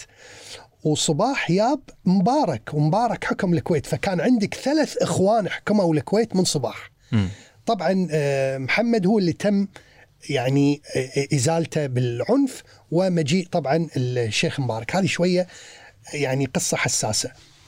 آه، صباح كان عنده عبد اسمه عنبر وكان عنبر هذا على ذكر الرعاية الخاصة فيري باورفul عنده قوة، على فكرة فيصل كان في بعد بعض العبيد يملكون عبيد، شلون يعني؟ يعني عندهم عبيد صدق؟ يعني عنده هو العبد هذا بس ناقصة الحرية إنزين؟ بس غير كذي هو أنت بتشوفه عادي. عنده فلوس عنده بيت عنده كذا بس هو تبع ملك لفلان فلان يكون أمير أو كذا. فما في شيء يمنعه إنه هو يشتري عبيد. يشتغلون عنده يعني يكون هو سيد لكن هو عبد عند شخص آخر. عموما هذا هذا موضوع. عنبر هذا كان في غاية القوة. وطبعا القوة تستمد من الألفة. أنا أعرفه من 20 30 سنة مربينا وإحنا صغار وعيال وكذا. فبالتالي إحنا إحنا نثق فيه ونحبه ونحافظ عليه. عنبر آه، دخل في مشادة مع أحد التجار الكويتيين آه، وضربه صفع على وجهه. عنبر ضرب التاجر. ضرب التاجر. إنزين. تجمع أكثر من ثلاثين تاجر وقدموا عريضة للشيخ صباح الثاني. م. إن عنبر لازم مو مو مو يعتذر لازم يتم تهجيره. يتم طرده من الكويت. الشيخ صباح قال صباح الثاني قال أنا آه، خلاص انتهى الموضوع أنا بعاقبه أنا بطقه أنا بضربه أنا أنا ب- بشيله من منصبه. قالوا له لا لازم يترك الكويت. وهذه كانت أول يمكن رسالة من التجار لإظهار نفوذهم، إحنا دائما نفترض إن القصة كانت أول هجرة للتجار هجرة هلال بن فتحان، لكن هؤلاء التجار لصفعة هذا التاجر هددوا بالهجرة. قالوا له إذا إذا عنبر ما يترك الكويت إحنا راح نترك الكويت. يا عنبر يا إحنا يا عنبر يا إحنا. أحد الشيوخ ومذكوره القصة في مسك التفق وقتل عنبر. قتل عنبر وقال أنا لن أسمح لهذا الشخص إنه يعني يقيم آه، شقاق بين الأسرة بين الشيخ صباح وبين التجار. لأن at the end of the day مثل ما أنت قلت في البداية هذا التجار وهذا اللي يبون الفلوس شنو عنبر هذا مثلا شنو قيمته؟ طيب أنا اليوم أقدر أقول كمؤرخ قيمته إنه هو اللي كان يلم الضرائب بالطقاق to hell أقدر أجيب غيره 100 مثلا. لكن الشاهد إنه كان لهم رعاية كان لهم قوة بس up to يعني له حدود يوصل لها ما يقدر يتجاوزها. على طاري الشيوخ وقتها. وقد كتبت أنت في الكتاب وقد قام حاكم الكويت الشيخ مبارك الكبير بنفي أحد الوجهاء لأنه قتل عبده وهو في حالة سكر. حين العكس تماما. كانوا يطالبون فترة من الفترات إنه مثلا يهجر عنبر لكن ابن صباح الثاني آه، الشيخ مبارك الكبير آه، نفى أحد تجار الكويت لأنه قتل عبد. صحيح؟ مهم مهم جدا إن نأكد على إن الشيخ مبارك وكل الشيوخ كانوا حريصين على إرسال رسالة إن ما حد يعبث برعاية الكويت. آه، عبد أو حر. وهذه نقطة في غاية الأهمية، أنا بقول على نقطة يمكن يمكن إحنا قاعدين نقفز إلى أن ال- ال- الاتفاقيات البريطانية اللي تم إجراءها مع كل حكام الخليج أيوه كانت هذه كانت النقطة كان- اللي عقبها كانت باستثناء الكويت. باستثناء الكويت. باستثناء الكويت. شنو نقصد بالاتفاقيات؟ الاتفاقية أن أي عبد اي يفر من سيده بحجة سوء المعاملة تم التعرض للضرب أو التجويع أو لل abuse يعني physical abuse بعد التحقيق معاه إحنا كوكالة بريطانية آه، ممكن نعطيه شهادة عتق. هذا الإجراء كان في الشارقة كان في البحرين كان في مسقط لكن لسبب ما لم يطبق على الكويت. شنو اللي كان يصير بالكويت؟ كان يصير بالكويت إن الشيخ هو مسؤول شيخ مبارك لأنه هو اللي قام الاتفاقية مع بريطانيا. الشيخ مبارك هو المسؤول عن آه، فض النزاعات والاشتباكات بين رعاياه. ما يذهب أحد من رعاياه إلى دولة خارجية من أجل التقاضي أو من أجل الشكوى. زين هذا تم الاتفاق مع الشيخ مبارك كان حقيقة حريص على السيطرة لكل ما يتعلق بالداخل. فأي واحد يسيء لعبده الشيخ مبارك هو المسؤول عن فض النزاع. ففي هذا السياق اللي قتل عبده في حالة سكر كان الشيخ مبارك يريد أن يرسل رسالة وكان حاسم في موضوع عدم اقتراف المحرمات بالجهر. بالعلن. على فكرة في قصة أخرى أن في أحد اليهود تعرض للإغارة من قبل أحد في الصحراء آه، لينتمي لقبيلة معينة. راح الشيخ مبارك وشن حملة على القبيلة نفسها تأديبا لها. ولذلك هو لما يقول أنا سور الكويت يعني كانوا يسألون أنت ليش ما تبني سور بالكويت قال أنا السور. ما كان أحد يجرؤ. يعني بدون دخول الآن في أسماء حكام أو كذا كل ما تم تجاوزه فيما بعد على الكويت بشكل أو بآخر بعد رحيله. لكن الشاهد كان فعلا آه، يبي يرسل رسالة إن موضوع الأمن، موضوع الأرواح، موضوع المحرمات بما فيها موضوع قتل العبيد لأن في النهاية هذه نفس كان يريد أن يرسل رسالة فتم نفي هذا الشخص. تمام الحين ودنا إحنا نوسع الدائرة شوي على الخليج أكثر والاتفاقيات مع الوكالات البريطانية اللي كانت موجودة في الخليج بذاك الوقت. وشلون كانوا يعطون ولا كانوا يعتقون العبيد ويعطونهم صكوك. نبي نعرف شنو الأسباب اللي ممكن اليوم آه، أحد العبيد ولا عفوا بوقته أحد العبيد يروح للوكالة وشلون كانوا يحققون وشنو الأسباب اللي كانت تؤخذ في عين الاعتبار لإعطائهم حريتهم يعني. أوكي. أنا بس أبي أسوي فرشة للوجود البريطاني في الخليج. شلون كان؟ ممتاز. شكله شلون كان؟ حتى الناس آه، تستوعب. وأقول إن شلون هذا الوجود كان إلى حد ما مفيد في دراستنا عن العبيد. تمام. فيصل بريطانيا كانت هي المسيطر الأوحد على منطقة الخليج وجاءت هذه السيطرة نتيجة الوجود البريطاني في الهند. الوجود البريطاني في الهند تمثل في شيء اسمه حكومة الهند البريطانية. واللي يدير هذه الحكومة شخص له منصب يسمى الفايس روي، له منصب هو بمثابة نائب الملك. يعني الملك في بريطانيا نائبه موجود في الهند في بومبي. وأحد الأمثلة لمن تبوأ هذا المنصب لورد كيرزن. كيرزن اللي زار الشيخ مبارك في 1903 والصور مشهورة ومعروفة وهو ينزل من البحر ويذهب إلى قصر السيف وما إلى ذلك هذا كيرزن كان نائب الملك فكأن الشيخ مبارك يستقبل من يمثل الملك في الكويت من خلال لورد كيرزن.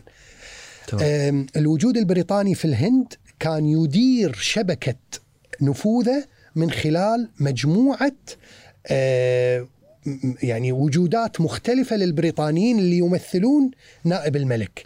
فتحت نائب الملك في حكومة الهند في بريطانيا كانت المقيمية السياسية الدائمة البريطانية المسؤولة عن شؤون الخليج كان موجودة في بوشهر. هذه يسمونها ال political resident. political resident لو يكون نوكس أو أحد الأشخاص هذا يسوي reporting عن شؤون الخليج أو يبعث التقارير عن شؤون الخليج. هو عين نائب الملك في الهند في بومبي عين عينه لكل ما يدور في الخليج. إنزين؟ لكن هو في بوشهر طيب إحنا نبي الآن local agents وكلاء موجودين في الخليج نفسه.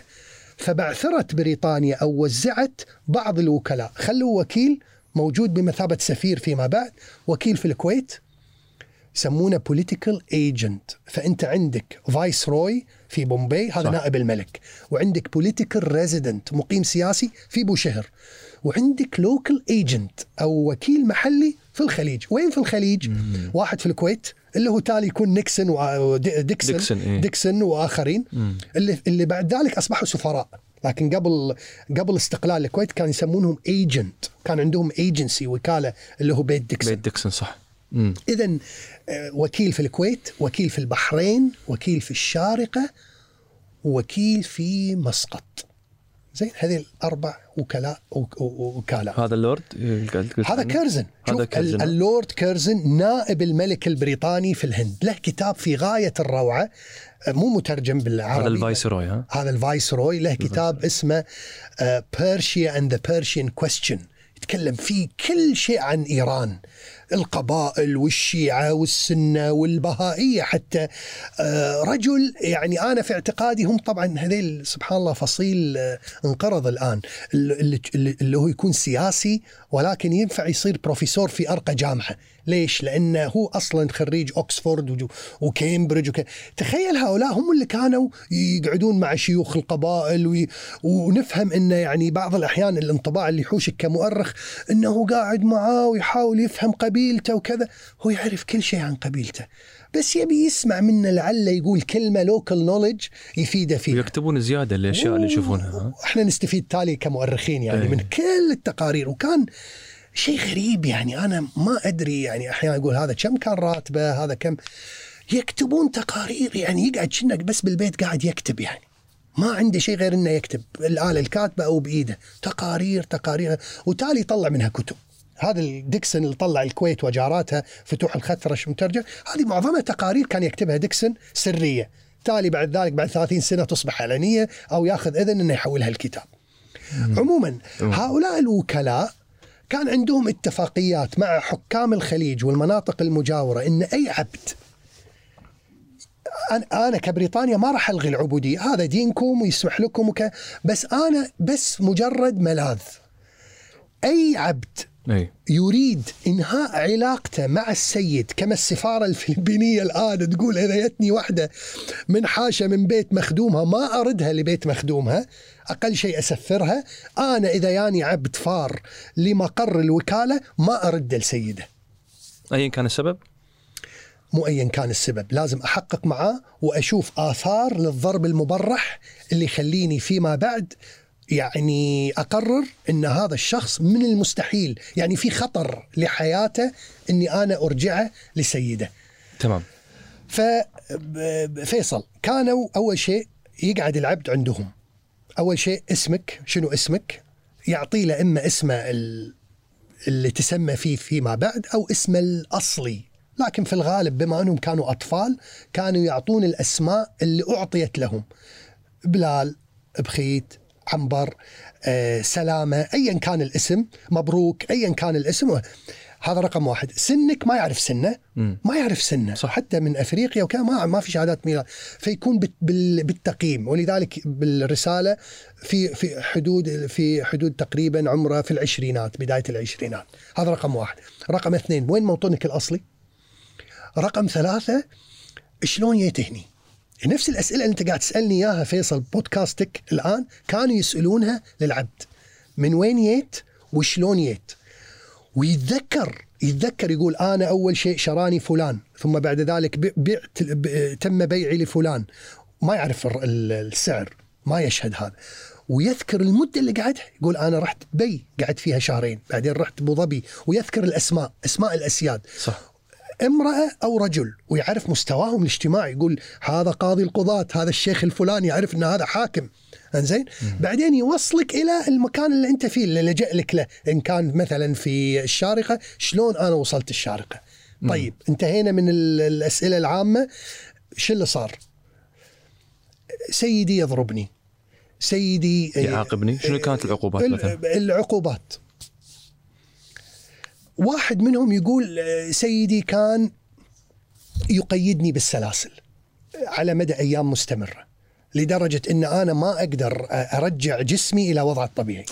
واحد ثاني يقول سيدي آه، كنت مريض مرض شديد وما زال يدفعني للغوص على اللؤلؤ في وقت كان في في عز البرد لأن الموسم الغوص صيف وفي موسم موسم غوص صح. صغير في الشتاء يقول لي يبيني أغوص بالشتاء هذا راح نيجي له بالضبط ما ما يعطيني أكل ما يعطيني ملابس ما يعطي أموت من البرد بالليل مثلا هو.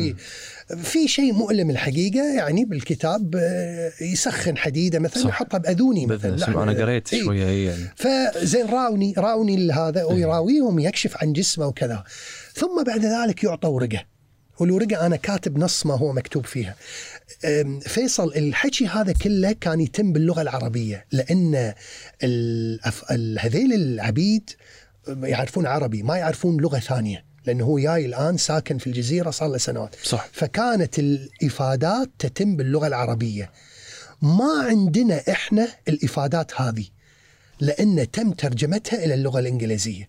آه بس بس الأصل بالعربي. الأصل بالعربي والجهد اللي قمت فيه في الكتاب إن ترجمت الإفادات باللغة العربية. فرديت ترجمتها مرة ثانية رديت ترجمت أنا يعني أعتذر لكل العبيد هل أنا قلت الكلام اللي أنت قلته بنبضك؟ لكن أنا ترجمته من الإنجليزي رد بضاعتكم ردت إليكم إلى العربي مرة ثانية. وحاولت إني أحافظ على ال- ال- النص. الحين نوصل الحين تطرقنا حق لغة اللغة اللي كانوا يتكلمون فيها العبيد. أنا قريت حتى في تأثير العبيد على الثقافة العربية ولا عفوا الخليجية. ركز شوي على الثقافة الكويتية كون أنا يعني هذه الأقرب لي. في كلمات موجودة في الكتاب مثل كلمة أكو يعني أكو ولا ماكو. أه، مولية ماتشله الهامور. هذه إحنا كلنا نعتقد إنها كل يعني كلمات كويتية. لو أحد يسألك راح تقول يمكن هذه قبل ما يكون في أصلا عبيد في, في الكويت. لكن هي جت من خلينا نقول ثقافة العبيد يعني ماتشله مثلا هي كلمة من ف أنا أبي أفهم هذا التأثير بشكل عام بعدين حتى التأثير ولا تأثير الموسيقى على الموسيقى الكويتية. أوكي. شوف إحنا يعني حتى نكون أيضا موضوعيين ما نبي آه، نقصر أي تأثير أفريقي على الخليج من بوابة العبيد. العبيد جزء من القناة أو الجسر اللي جاء فيها المؤثر الأفريقي للخليج ولكن ما كانوا ال gatekeepers يعني ما كانوا هم المسيطرين على هذه البوابة.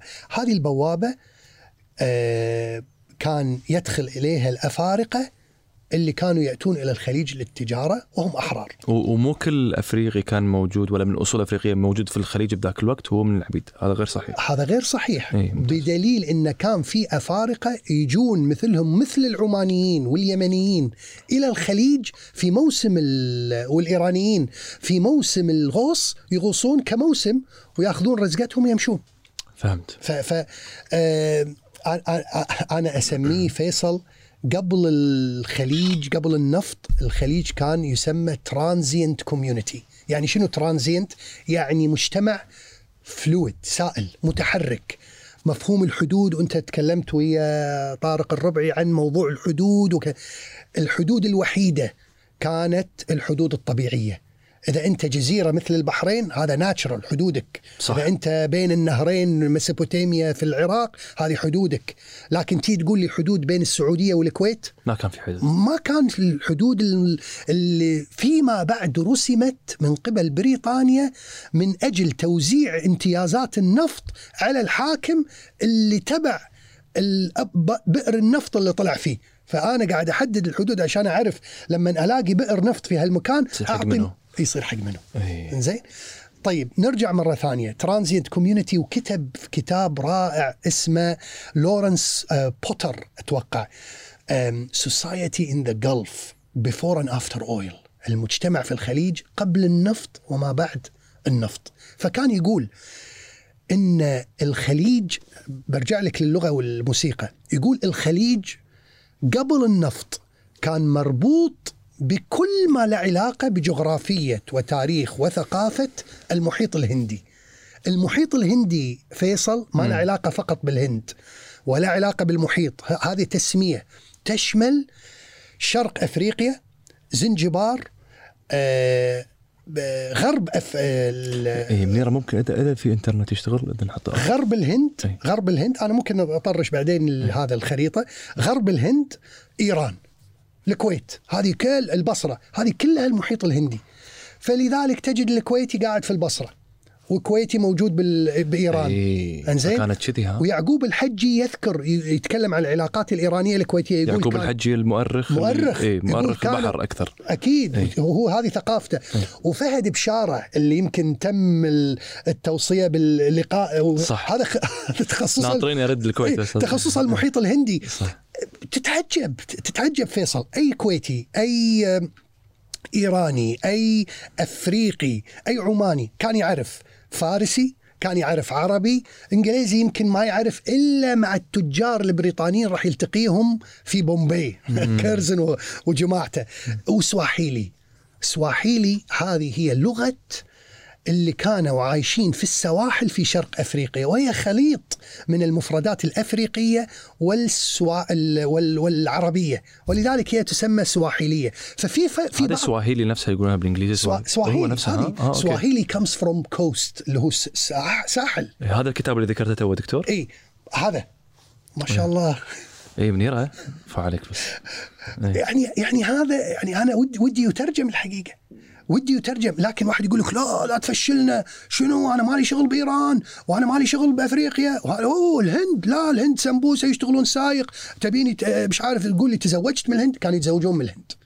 إيه. كانوا يعيشون في في East Africa it's mind boggling يعني يفجر الدماغ من إعادة فكرة ال ال ال الكويت اللي هي منكفئة على الجزيرة العربية ومنكفئة على القبائل ومنكفئة على البادية. هذا صحيح. بس هذا يمكن 50% من التاريخ.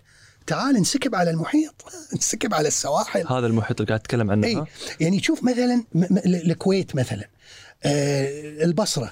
الكويت البصرة. الكويت ال- البحرين. الكويت إيران. آه الكويت آه عمان. ويعقوب الحجي يسولف عن الصومال وعن أثيوبيا وعن كينيا. والله كانت حياة ثانية هني في هذا المحيط. فيصل آه، قبل نشأة السفن البخارية كانوا يضطرون إلى المكوث في هذه الأماكن إلى ما يقرب من ستة أشهر يم- ينتظر عكس الرياح. علشان يرد. عشان يرد. يعني أنت الآن ماخذ لي رحلة قارب شراعي. أنا أشوف عندك الآن أبناء السندباد Sons of Sinbad Alan Alan Villiers إيه. ذكرته وايد أنت بعد الكتاب. اقرا الكتاب. إيه. هو يتكلم عن ثقافة الأشرعة الشراع هذا. ثقافة عالم آخر. ليش أنت الآن عندك جيل جديد آه، ملول؟ جيل جديد لازم يلعب مخباته ويشيك من اللي مسوي له mention بال Snapchat. الفترة اللي فاتت هذه كان جيل بطبيعة حياته صبور. لازم ينطر. طب أنا بنطر. إيش بسوي؟ بتعلم لغة. أنا قاعد الآن بومبي إيش وراي؟ وش المانع إن أنا أقع في حب هذه الفتاة اللي قاعد أشوفها كل يوم وأتزوجها؟ واشتغل بمحل صغ- صغير ماكو ما. عندي مشكلة. أيوة. أنا ما راح أرتئي إن أنا بعد 20 30 سنة راح أصير multi-millionaire وراح ال identity مالتي تتحدد من جنسيتي وبالتالي ممنوع. الثقافة هذه كانت موجودة دكتور؟ ثقافة اني أبي أصير multi-millionaire؟ أول؟ ما أعتقد إنها كانت حاضرة. حاضرة بهال- ما أعتقد بهالطريقة، كانت صح؟ حاضرة. إيه، كان مع كان ال social media كان. كان كان ال كان ال ال ال ال كان ال business أو التجاره للبقاء على قيد الحياة. ما كنت أفكر إن أنا بصير multi-mil- أنا ما أتكلم على الفلوس فيصل أنا أتكلم على غنى الدولة وإن شلون الدولة تبدأ تصنع هوية، الهوية هذه بطبيعتها مستقلة ومنفصلة بل مناوئة في بعض الأحيان عن الهويات الأخرى، ما في مانع إن أنا أعتز بهويتي، لكن ما في من اللي قال إنه وأنا أعتز بهويتي لكن لازم أنظر بطريقة فيها امتهاء يعني استحقار للهويات الأخرى، هذه المشكلة. النظرة هذه ما كانت موجودة في السابق لأن كلنا كنا فقارة كلنا كنا بسطاء كلنا كنا يي الهندي يشتغل في الإمارات ويي الإماراتي يسوي بزنس في بومبي. ومعروف كتاب يعني في كتاب كتبته واحدة اسمها آه، نورة الحربي. أعتقد حصة الحربي. حصة الحربي يتكلم على العلاقات الكويتية ال- الهندية. شوف الأصور بس شوف الأصور في الكتاب. يعني خلي بودكاستك برنامج بس تعلق على الأصور عندي أصور للشيخ جابر الأحمد والشيخ صباح الأحمد في زيارة إلى الهند لابسين الشروال والقميص اللبس الباكستاني والهندي. وعندي أصور لبعض التجار الكويتيين اللي كانوا مقيمين بعضهم كان يتكلم كويتي مكسر لأن الأصل في لهجته هي اللهجة الهندية. أنا اعرف واحد لليوم دكتور رايح بيته يكلم الخ- الخدم اللي عنده بالهندي يعني. زين الحين بنتكلم عن بس نعلق على موضوع الموسيقى وهذا إنه كان في تداخل هذه واضحة. إنزين الحين بنتكلم عن دام يبنى طاري البحر نبي نتكلم عن شلون كانت العلاقة في في تجارة اللولو والغوص على اللولو وشلون كانوا يستخدمون آه، العبيد. وأنت قبل لا تتكلم في هذا الموضوع في الفصل الثاني تكلمت عن معاناة الغواص بشكل عام. هذه كانت الفرشة. ليش احتجت إنك أنت تفرش بهذا الشكل قبل ما ندش في معاناة العبيد؟ أنت ذكي.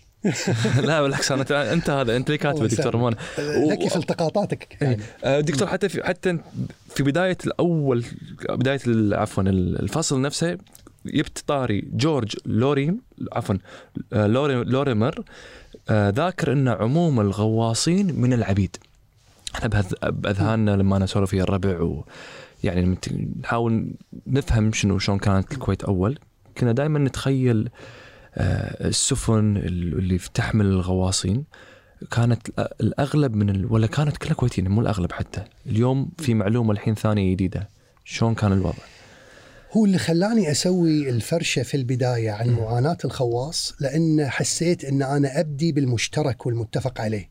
إن في أدبياتنا عن التراث البحري ويعقوب الحجي وآخرين إن إحنا فعلا من أجل تذكير الجيل الجديد بقيمة النعمة اللي الله منها علينا النفط والرخاء إحنا نبي نستذكر الماضي ونستذكر مشقة الآباء والأجداد في صنع في صنع آه، مستقبل هذا الوطن. إحنا دائما هذه هي النريشن هذه هي آه، طريقتنا في الرواية. صح. فأنا بديت بغيت أبدي من هذا المشترك حتى يكون عندي مشروعية إني أقول لك ما هو غير مشترك الآن. أوكي. يعني اقبل مني إن أنا أسولف معاك عن معاناة الغواص من أجل ان تقول لي عدل صح كلامك عدل كلامك. بعدين تالي أقول لك ترى شوف أنت تدري وأنا أدري ولو قرينا كتب التاريخ والرحالة وما قال قال Alan Villiers وآخرين إن هذيل مو كلهم كانوا كويتيين. أنت تعلم هذا. يعني لو- لو ركزنا على الكويت بس أفترض حتى في الدول الأخرى شلون؟ لأن كانوا قلت لك الغواصين موسم هذا موسم مثل هلا فبراير أنت هني هلا فبراير تشوف ناس جايتك من الإمارات والبحرين صح. وعمان وما إلى ذلك. هذا موسم. فكان يجونك من البصرة وكان يجونك من إيران وكان يجونك من أفريقيا. صح. إنزين؟ يقولون لك نبي نبي نسبح نبي نغوص معاك ولنا سهم. وأنت تقول لا. إذا في طلب وهذه في البنية البرنسيسة الحلوة في باريس تبي تلبس العقد تقول له لا. قول له كما اليوم العمالة الوافدة. يقول لك أنا بشتغل عندك مثلا أنت قطاع خاص كم تأخذ؟ آخذ منك 300 أفيدك. وتفيدني تفيدك وتفيدني بالضبط. فهذا هذا اللي يقصده لورنس بوتر لما يقول transient community يعني فكان في متحرك كان فكان في عرب كان في إيرانيين كان في من من القبائل. اللي قريته بكتابك كان في من العبيد كان في كويتيين كان في قطريين وعمانيين وغيرها يعني. ففكرة فكرة إن المركب هذا كان يضم فقط المجتمع الكويتي هي فكرة غير دقيقة أو المجتمع البحريني مثلا أو المجتمع البحريني إيه. أو المجتمع العماني المجتمع الخليجي بشكل عام غير دقيقة وإن كان الآن يتم استثمارها لتعزيز الهوية الوطنية وهذه مشكلة السياسة لما تتداخل مع التاريخ. أنا ما عندي مشكلة إنك أنت تستخدم الماضي لبن- لبناء هوية وطنية، بالعكس هذا سمارت ولازم تسوي كذي. لكن والماضي غني بهال- بهالشكل يعني. غني بهالشكل. يعني إحنا نقدر نقول الكل كان موجود يعني. ما كان بس مقتصر على فئة أو على الكويتيين الكل كان موجود. بغض النظر إحنا طبعا أكيد نختلف مع فكرة وجود عبودية لكن الهم أنت قلت إنه كان في عرب وكان في آه يعني من القبائل وكان الكل كان يشارك في آه هالموسم هذا. بل, بل أنا أعتقد الآن أنت قاعد تذكر نقطة في غاية الأهمية. تأخذنا إلى الخطاب المعاصر، يعني شو اللي خلى الآن قطر تسوي بيت بن جلمود مثلا؟ قطر تبي تبي تبي تسوي أولمبيات وقطر تبي تنفتح على العالم.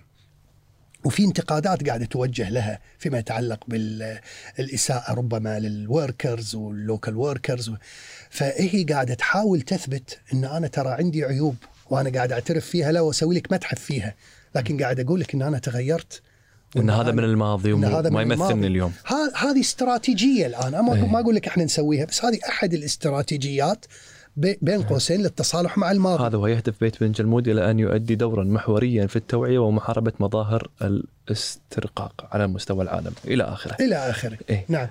أم، فالآن اليوم الكويت 2035 ولا 2030 أو كذا أنت مو تقول الآن تبي تربط علاقاتك طريق الحرير مع الصين ومع ومع ومع؟ صح. هذه الرواية اللي إحنا قاعدين نقولها الآن الجلوبال اللي تقول لك المركب هذا كان فيه العرب وكان فيه هذه بالعكس تساعدك وايد إنك أنت اليوم ككويت أنت مو قاعد تنحرف عن مسارك الماضوي والتاريخي بل بالعكس أدلتك التاريخية اليوم بس انت تحتاج تسوي لها tweaking الآن بدال ما تكون purely كويتي أو كويتي 100% تحتاج إنك أنت تبرز الأصوات الأخرى والثقافات الأخرى وتعطيها صفة المعاصرة وتقول أنا I'm simply continuing. أنا قاعد أكمل الطريق. أنا مو قاعد أنحرف. أنا ما سويت شيء يهدد هويتي. صح. تمام. فالحين شلون يعني شلون كانت المعاملة؟ هل كانوا السادة يقعدون في بيوتهم وكانوا يدزون العبيد. شنو كانت ابي ال dynamics ولا الديناميكية؟ شلون كانت ال- العلاقة بشكل عام؟ شلون يعني أنا فهمت منك حتى كان في chain إنه من ال- ال- الغواصة للنوخذه فوق النوخذه هم في تاجر فوق التاجر ممكن تاجر أكبر. أبي أفهم. الوضع العام في في الغوص. هو هو صناعة الغوص آه، أو الغوص على اللؤلؤ فيصل كانت قائمة آه، للأسف على نظام الدين. الدين ها؟ نظام السل السلف. أم، قدر أن الغواص ايا كان عبد أو حر سيغيب عن أهله لمدة أربعة أشهر. يعني من شهر مثلا خلينا نقول شهر خمسة إلى شهر تسعة. راح يغيب عن هو يعني هو هو البريد وينر أو هو يعني اللي يرعى أسرته. مم. فالأربعة أشهر راح يكون غايب غايب في البحث عن اللؤلؤ. فكان يضطر من أجل أنه هو يعني يدعم أسرته في غيابه يضطر أنه ياخذ سلفة مقدمة مقدما إما من النوخذه أو من التاجر. تغطي فترة الاربعه أشهر اللي راح يترك فيها أسرته. على أمل انه آه فياخذ عشان يغطي عشان يعطيهم مهله عشان يقدرون يعيشون. بالضبط. آه أوكي. وعلى أمل إن اللي راح يصيده من اللؤلؤ بجهده يغطي يغطي ويزيد. يغطي ويزيد. بس هل كان يغطي ويزيد؟ ما كان يغطي ويزيد. فليش كانوا يسوون كذي؟ يعني كانت قضية يعني خسرانة. يعني ش... ش... ما له ما له ما له بديل يعني هذا كان أحسن أكثر اي آه، هذا الموسم هذا كان موسم يعني كل واحد يغوص على اللؤلؤ شوف فيلم بس يا بحر. صح. كان محمد المنصور يبي يتزوج يبي يتزوج بنت يعني بنت شيخ بنت تاجر عفوا. فلازم وبعدين سعد الفري بال- بالفيلم آه، كان مديون. وكان آه، ايده فيها شلل أو عجز. ولذلك حياة الفهد في نهاية الفيلم شو تقول؟ تقول له بس يا بحر. يعني أنت خذيت ال- خذيت الدانة وعطيتني أخس دانه أو ارخص دانه وقطت الدانه بال- بالبحر اللي صادها محمد المنصور. فيلم حقيقة خالد الصديق كان يعني شايف أك... شايف يعني اي اي الحقيقة رحمة فيلم رائع عليه. يعني في السبعينات من أروع الأفلام. المهم ان إن ال- الغواص ما كان له بديل وكان نأخذه نأخذه كان يربح ولا ما كان يربح؟ هو هو هو يعتبر يعتمد على بيع المحصول. إذا السنة هذه بعت المحصول في ال- الغ- الغواص له سهم النوخذه له مجموعة أسهم وتالي التاجر اللي يسمونه الطواش يعني. صح. فالمهم في الغالب يرجع الغواص مديون. وكان يعني مو بس يرجع مديون كان متوقع إنه لازم يغوص مع نفس النوخذه السنة الجاية لأن طالما إنه هو مديون ما يقدر يقوص مع نوخذه آخر. وإذا راح حق ناخذ آخر يشيل يشيل دينه يرد فلوسه حق الناخذ الأول. ممكن ممكن. إيه، النوخذه الثاني إذا موافق إنه يشغله أول شيء يطلب منه شيء اسمه البروة. البروة مثل إبراء براءة ذمة إن أنا مو مطلوب. إذا أنت مطلوب وأنا أبيك كغواص أدفع دينك للنوخذه صديقي بالقهوة نقعد مع بعض خلاص أنا كم اللي عليه اللي عليه كذا أنا أدفع الدين. وأعطيك أنا يا نوخذه ثاني يا غواص أعطيك الآن السلفية ونبدي من يد ويديد صفحة فهمت. جديده مع بعض. المهم في النهاية الغواص مديون مديون. لكن موقع العبيد الحين في الموضوع. إيه الفرق بين الغواص في الديناميكية هذه الحر وبين العبيد إن الغواص كان ياخذ السلفية عشان يغطي آه، مطالب أسرته. صح. العبيد كانوا ياخذون هم ما كانوا ياخذون شيء. هو اللي كان ياخذ السلف كان السيد عشان يغطي نفقاته هو ونفقات أسرته هو وإذا كان العبد عنده أسرة أو ما كان عنده صح. في النهاية included يعني. فكان العبد already متورط بسداد دين هو ما ما استدانه. صح مو له. هو هو بالضبط هو مو داخل هذه الحلقة. ويرد ال ال ويرد يفاجئ إنه متورط بدين كبير لأن الغواص الحر له حرية تحديد السلف. يقول أنا أنا أحتاج أنا بروح أطق راس أسرتي وأقول لهم يا جماعة سووا رجيم يعني خذوا آه، بالسنة بالأربعة أشهر 50 دينار. هذاك ما استشار العبد راح ياخذ سلفية إيش كثر؟ فورط العبد في إنه يلتزم لسنوات عديدة مع هذا ال- النوخذة. إيش كثر كان يغوص الغواص الطبيعي وفي فرق بينه وبين العبد؟ لا لا ما كان في فرق بينه وبين العبد. الفروقات يمكن ان النوخذه ممكن ممكن يتعرض إلى العبد بال بال بال بالمركب بالضرب مثلا لأنه يحس إن هذا عبد. آه، الحر يمكن شوية له ظهر. آه، من ضمن الأشياء اللي قريتها في بعض الكتب إن إذا مات العبد في في المركب يقول كاتب شيء بال- بالنص no questions asked. ما حد يسأل. ليش مات؟ وشنو السبب؟ شو كان؟ يقطونه بالبحر. هو طبعا موضوع القط بالبحر هذا كان حر أو عبد بس أقصد لما يرد خلاص عبدك مات. انتهى الموضوع. انتهى. لكن غير في محمد المنصور وبس يا بحر أي. حياة الفهد هذا ما له ام تولول عليه يعني. أي. زين وكانوا يغوصون باليوم تقريبا ساعتين ب... ب...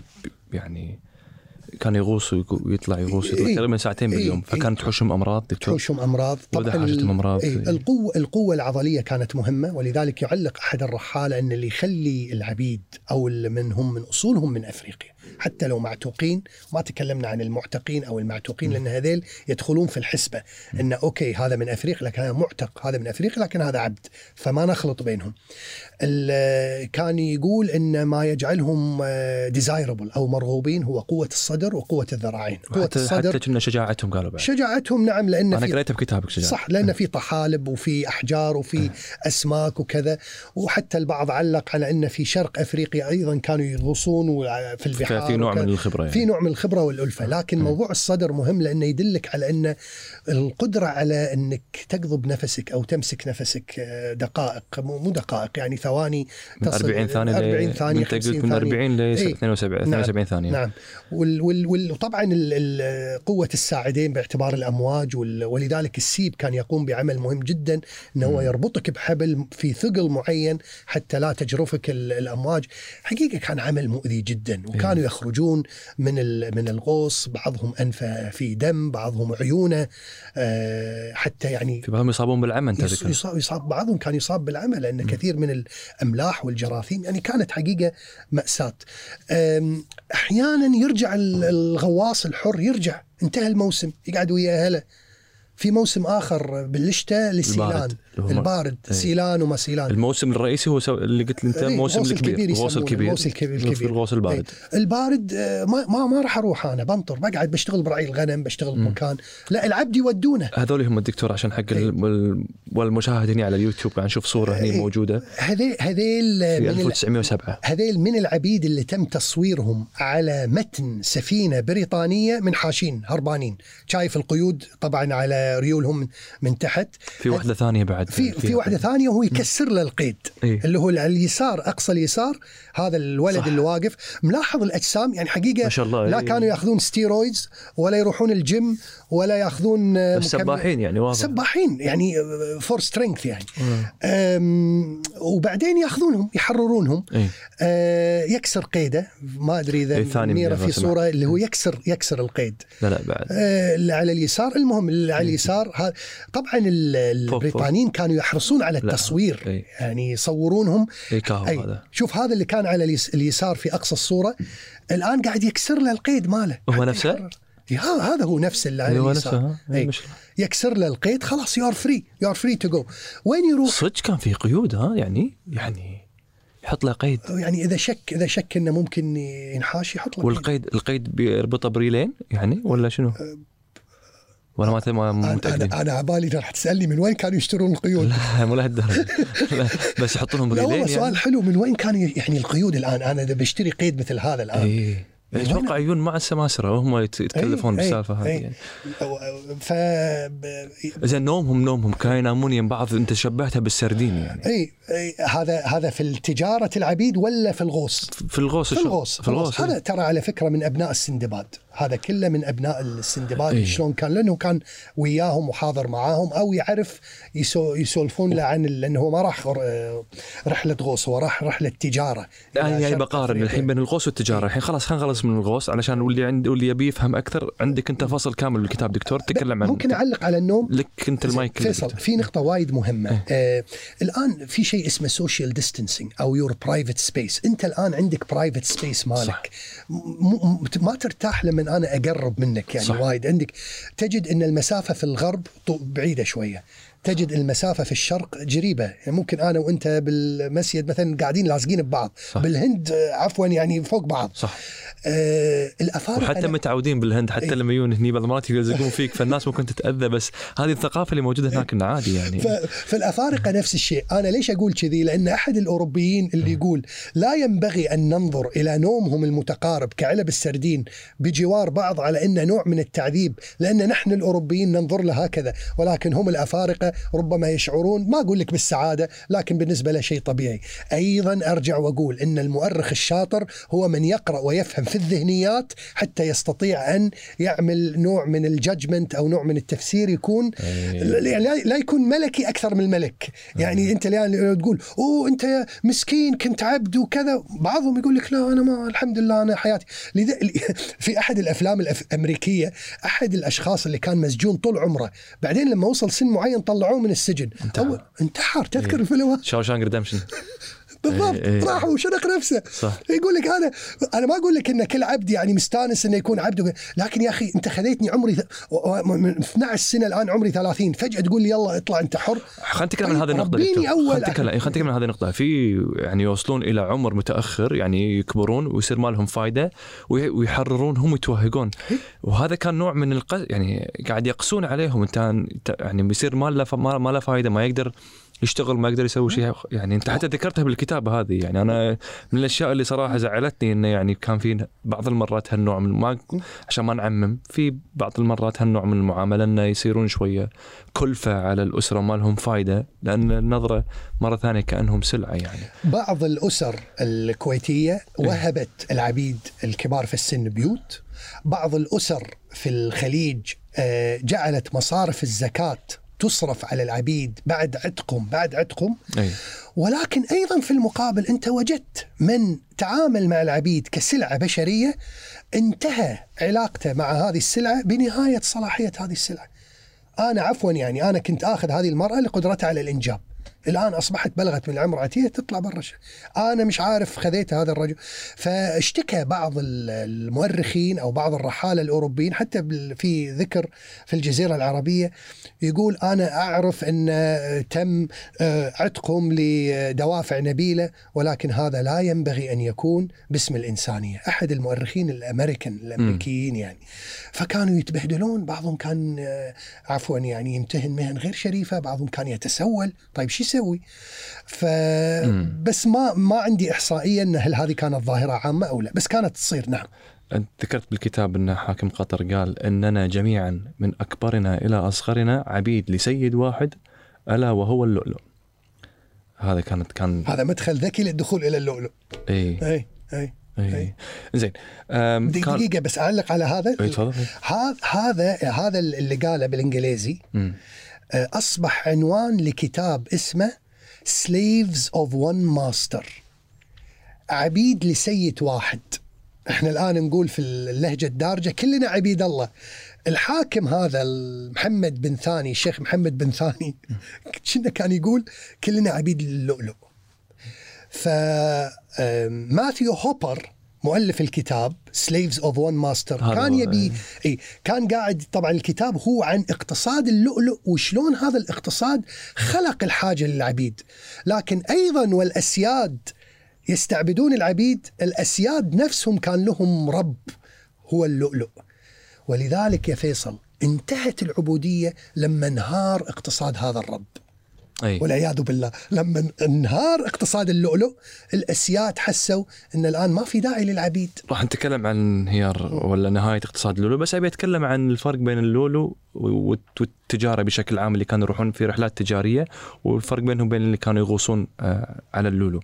فشنو هم كانت أعمالهم شاقة بس كانت أعمال تجارية يطلعون مع التجار وكذي ها؟ يعني معظم الأعمال الخاصة بالتجارة اللي هي ال long distance trading أو الأعمال اللي هي طويلة المدى آه لها علاقة بالحمل آه، حمل البضائع آه وضعها في الخياش آه تنظيف السفينة. فاذا الجهد العضلي كان مطلوب ربما مو بنفس مشقة الصيد على اللؤلؤ على الأقل ما كان as risky أو كخطر هني كان ممكن يعني آه لخمة أو أو صح. أسماك أو كذا لكن كانت أيضا رفع الصواري أيضا أي. الحفاظ على الأشرعة كان في بعض الناس في ال... تكلم يعقوب الحجي كان في بعض الناس ترفع الصواري في اليوم الهائج المائج ويطيرون صح. يطيرون ويغرقون يعني أي. وخلاص بالليل إذا صار بالليل أنا I'm sorry يعني اي كانوت ريسكيو يعني ما أقدر ما أقدر أنقذك. والمركب كان يمشي باتجاه الريح بحركة سريعة جدا. خلاص أنت انتهيت. بس إذا طحت برا أنت. أي؟ بس ما حد يك إيه؟ الحين خلينا نتكلم دكتور عن نهاية اقتصاد اللؤلؤ بس منيره تحط لنا واحد اسمه كوكيشي ميكيموتو. هذا دكتور شنو سالفته؟ هذا رجل عبقري الحقيقة لأن من نهايات القرن ال 19 فترة الشيخ مبارك يعني أنا حسبت الفترة اللي هو قاعد يشتغل فيها. ويعمل فيها تجارب وكذا. مثل ما أنا أعتقد إن إلى يومك في ناس قاعدة تشتغل في أمريكا إنها تعمل تجارب وغير أمريكا إنها توجد بديل عن النفط. صح. زين؟ بس إحنا ناطرينهم.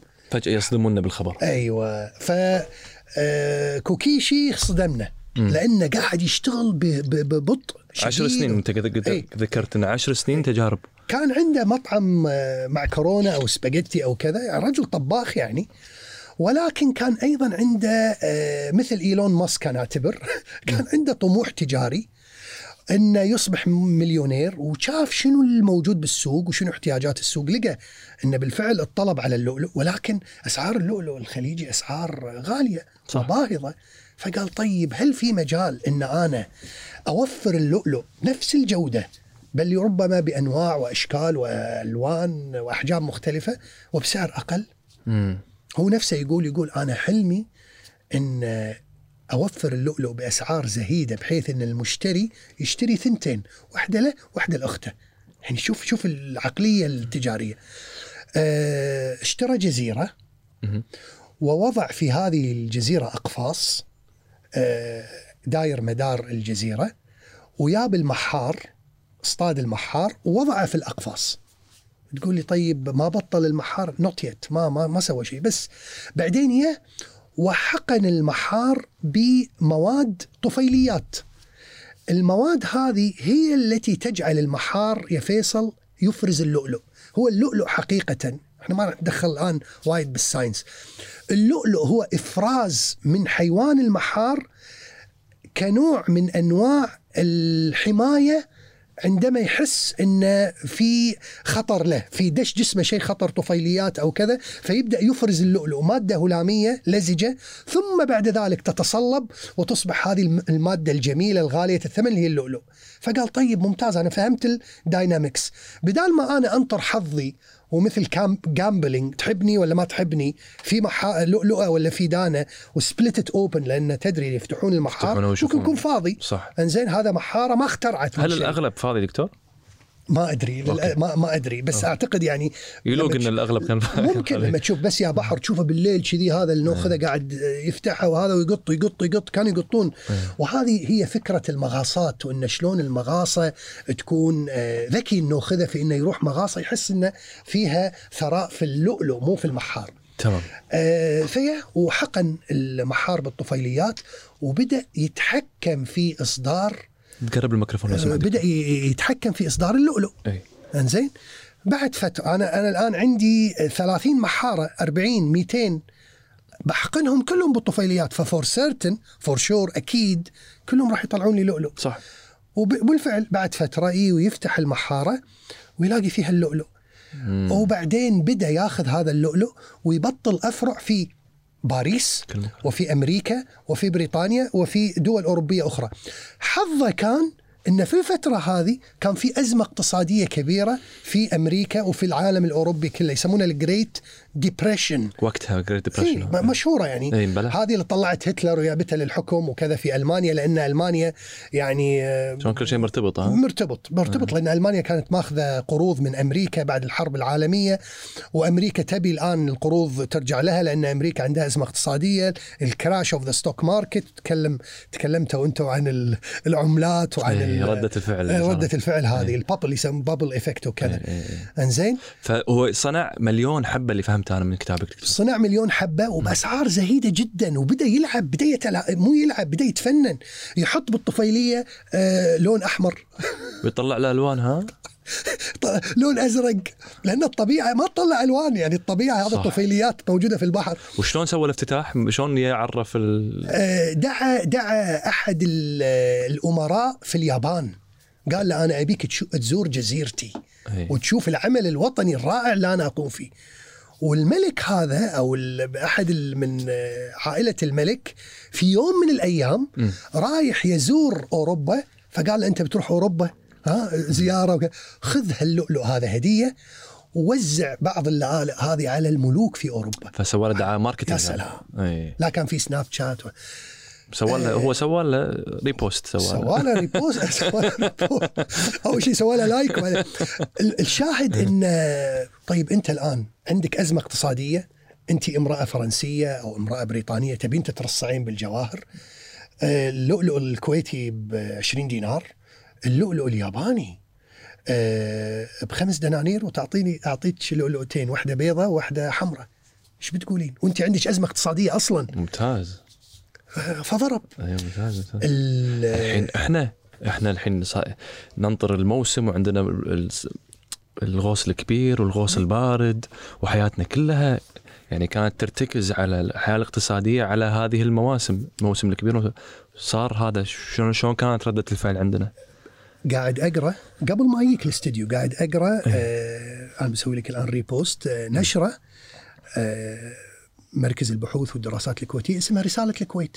أي. قاعد أقرأ أحد الأعداد حاط لك بالسنوات عدد المراكب اللي راحت الغوص سنة 26 سنة 27 سنة 28 وبعدين يعلق كمية المحصول والمبيع. تصدق إنه يقول لك كمية المحصول جي جيدة جدا. المبيعات صفر لأن السوق راكد والنوخذة عنده محصول سنتين. مو قادر يصرفه مو قادر يبيعه. طيب هالعبد المسكين هذا الآن سيده يرغمه إنه يروح يغوص؟ لأن السيد مديون ولازم العبد يروح يغوص علشان لعل وعسى يجيب فلوس عشان السيد يدفع جزء من ال- الديون. واصلا ماكو سوق. وماكو سوق. فالنوخذة ما يبي العبد فالعبد يرد للسيد. يقول له ردوني. فيقول له أنت طحت بكبدي الآن. أنا مديون ومتوقع مني إن أنا أصرف عليك واكل شارب نايم بال- بشهر خمسة وستة وسبعة وثمانية. اللي أنا نرد ابي على فكرة الاستثمار إن حتى الحين كاستثمار أنت كعبد يعني ما ما منك فايدة كذي يعني ومو بس كذي على فكرة استثمار أبي أبيعك ما حد يبي يشتريك. ما حد بيشتريك ما عنده فلوس. فلوس. وحتى اللي عنده فلوس شبي يعني ما ما يقدر يشغله يعني. ما يقدر يشغله. فكانت اجين سلعة. الحين بعدين قلت كتبت أنت في هذه الجزئية نهاية اقتصاد اللولو في الكتاب في الكتاب. بدأ بعض العبيد في التعامل مباشرة مع النوخذه شنو شنو كانت الفكرة هنا؟ بدأ بعض العبيد آه، يهرب من السيد أو آه، السيد يقول له خلاص أنا ما راح أصرف عليك منك للنوخذة مباشرة. آه، بعض العبيد أيضا بادر بادر أنه يكلم ب- بمعزل أو بمنأى أن في النهاية العلاقة أصبحت شبه مباشرة بين النوخذة والعبد. أن العبد يقول له مثلا أنا ما عندي مانع أغوص لسعر أقل أنا ما عندي مانع أن أنطر. فكأن السيد الآن شبه تملص أو خرج من المعادلة أي. كوسيط بين العبد وبين النوخذه. ونفس الوقت صار في شركة نفط في بداية تأسيس شركة النفط وفي يعني وقتها من العبيد كانوا يروحون يشتغلون في هذه في هذه الشركة لما يعرف السيد إنه هو والله هذا صدق يعني هرب مني ويمكن في الفترة الأولى ما كانت بيني وبينه علاقة ولا أبي ألقاه أصلا ما ابي فبس لما عرف إنه راح شركة النفط وقام ولا صار عنده نوع من الراتب أو المعاش إي يطالبه يقول له تعال ردي فلوسي أنت بالأصل عبد عندي. هل هذا صحيح؟ اللي فهمته أنا؟ هذا حصل حصل. طبعا إحنا ما ما ما نسمي بعض الدول اللي صار فيها هذا. طبعا آه، اكتشاف النفط ووجود النفط هو كان البديل المريح الحقيقة وإن كان مفاجئ لكل ما له علاقة بثقافة الغوص سواء إن للسيد أو للعبد أو حتى للغواص الكويتي البحريني ال- الفقير. كل الآن اتجه بل بالعكس فيصل كثير من الغواصين الأحرار اللي كانوا مديونين للنوخذة آه، كفوا عن الذهاب إلى الغوص حتى لو كانوا يق- يق- يقدرون أو في مجال انسى اللؤلؤ الياباني ما يبون يروحون يغوصون يتركون أهاليهم أو يتعرضون للموت. صح. اشتغلوا في حقول النفط. حقول النفط قدمت مبدأ جديد وهو مبدأ الراتب الشهري. الراتب الشهري هذا كان فيه نوع من ال certainty لأن أنت من لاحظ الاستقرار يعني. استقرار لأن الغواص هو أنت أنت لك سهم من اللؤلؤ. طب إذا ما في لؤلؤ تعبك كله يروح على. الفاضي. إيه؟ أنت تروح شوف. سعر اللولو كم هالموسم وإذا لقيت وما لقيت it's like gambling ها؟ إيه. مثل مقامرة. هذه مو مقامرة. أنا أروح حقول النفط والله طلعت نفط ولا ما طلعت أنا مالي شغل. أنا متعاقد معاك آه، نظير أو مقابل راتب. موظف أنا بالنهاية. موظف بالضبط موظف. فكثير من الأحرار وتبعهم كثير من العبيد. كان بعض العبيد يهرب ويروح يشتغل مع شركات النفط اللي كانت لما تعرف إن عبيد كانوا ترجعهم إلى أسيادهم. وكان في حالات أخرى إن السيد نفسه يقول له بدال ما أنت قاعد عندي الآن تلش أنا فيك روح اشتغل مع شركات النفط. بدأ العبد يستوعب انه زين الآن الوضع تغير. الآن في ثروة في مال في استقرار. ليش السيد من حقه؟ okay من حقه إنه يقول لي روح اشتغل بس ليش ما يعطيني جزء من ال- الفلوس هذه؟ يعني at the end of the day أو في النهاية هذا راتب وهذا الراتب معاشي أنا. okay أنا تبع للسيد خليه ياخذ جزء منه. فكان بعض العبيد يشتكي وهذا أيضا في الشكاوى خاصة هو مو قاعد يشتغل عند السيد بشكل مباشر هو قاعد يشتغل في مكان ثاني يعني إي بس تبعه. اي بس مو ترى- الك- اي صح- هذه الفكرة اي. زين. فكانوا فكانوا بعض العبيد يه- يهربون من أجل إنه يكتسب حريته من الوكالة اللي مكنه فيما بعد إنه ياخذ الورقة هذه شهادة العتق يمكن ما تكلمنا عنها مم. إن هذه الشهادة كانت تعطى لمن آه تم إيجازه والاعتراف إنه تعرض إلى شيء من المعاملة السيئة تمكنه عندئذ من إنه يذهب إلى شركة النفط اللي يشتغل. ردته في البداية وإنه يشتغل عندهم. ممتاز هل هذه هذه ورقة العتق أي هذه ورقة العتق. مم. وبعد فإن حامل هذه الورقة طبعا الاسم مكتوب فوق لكافة من يراها يعني مثل to whom it may concern لمن يهمه الأمر مكتوب فوق طبعا ما يخالف الدولة البهية القيصرية الإنجليز شوف الورق الله. ورقة عتق وطبعا العلم على اليمين والشعار طبعا لو تلاحظ فوق أقصى اليمين وبعد فإن حامل هذه الورقة عمره تخمينيا يعني ابروكسيمتلي 35 سنة قد صار حرا كساير الأحرار، طبعا أنا أقرأها بالنص. كانت لغتهم العربية لأن بعضهم كان إنجليزي دارس. عربي. إيه. فلهذا لا يكون لأحد آه، عليه اع- الاعتراف في حريته والسلام، حرر في البحرين وهذه السنة. سنة 1943 ممتاز. ف زين وتراكمت الديون على التجار بذاك الوقت وعلى الناس بشكل عام. وأنا قريت في ناس كانوا يعني بيتهربون من الم- المكان اللي كانوا يتم فيه مطالبتهم بأموال ويروحون لمكان ثاني ويدعون إنهم أصلا عبيد. هذه كانت غريبة المعلومة. شلون كان لأن ما العب... لأن العبيد مو مطالب ب- بديون. اي اللي, مط... اللي مطالب بال... بالدين هو الحر. إيه. فالحر اللي مو قادر يسد الدين. يقول أنا عبد. شي- شي يعطيه من أول الناس. إنزين الحين بنتكلم عن نهاية نظام الرق آه، بشكل عام ونتكلم بعدين في عن رأي العلماء آه، تحرير العبيد ودور بريطانيا كيف انتهت تجارة العبيد؟ أنا في معلومتين كانت موجودة في الكتاب. المعلومه الأولى إنه انتهى آه، فترة اللولو الغوص على اللولو انتهت. وفي سبب ثاني ذكرته بالكتاب وهو كان في ضغط من آه، الوكالات البريطانية ولا خلينا نقول ضغط سياسي فشو اللي صار دكتور؟ يعني هو أول شيء ال... ال... ال...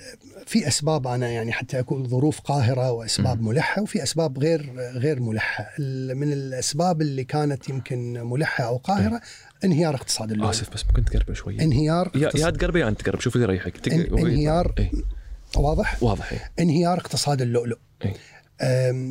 وانهيار اقتصاد الزراعة في عمان اللي تكلمنا عنه تمر فرض لأن بعض المستثمرين الأمريكان الأذكياء جدا مثل المستثمر الياباني أي. استطاعوا إنهم يأخذون البذور اللي كانت تمر الفرض وآ- وبذور أخرى ويزرعونها في كاليفورنيا في كوتشيلا في كوتشيلا في كاليفورنيا في أي. بعض الولايات بالضبط إيه. أه وخلاص تحررت إيه. يعني أنا تحررت منك ما أحتاجك اني مور. يعني فهذه واحدة من الأسباب فهذه واحدة من الأسباب إن ج...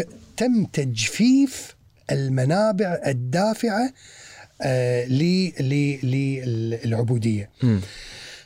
تم اكتشاف النفط لما تم اكتشاف النفط ارتبط السوق الخليجي بالسوق العالمي وارتباط السوق الخليجي بالسوق العالمي استدعى إن الدول الخليجية تبدأ آه، تعمل مجموعة إجراءات منها إنها آه، تكون عضو في بعض المنظمات الدولية كدول مستقلة كدول حديثة. كانت في البداية عصبة الأمم بعد الحرب العالمية الأولى ثم بعد ذلك منظمة الأمم المتحدة.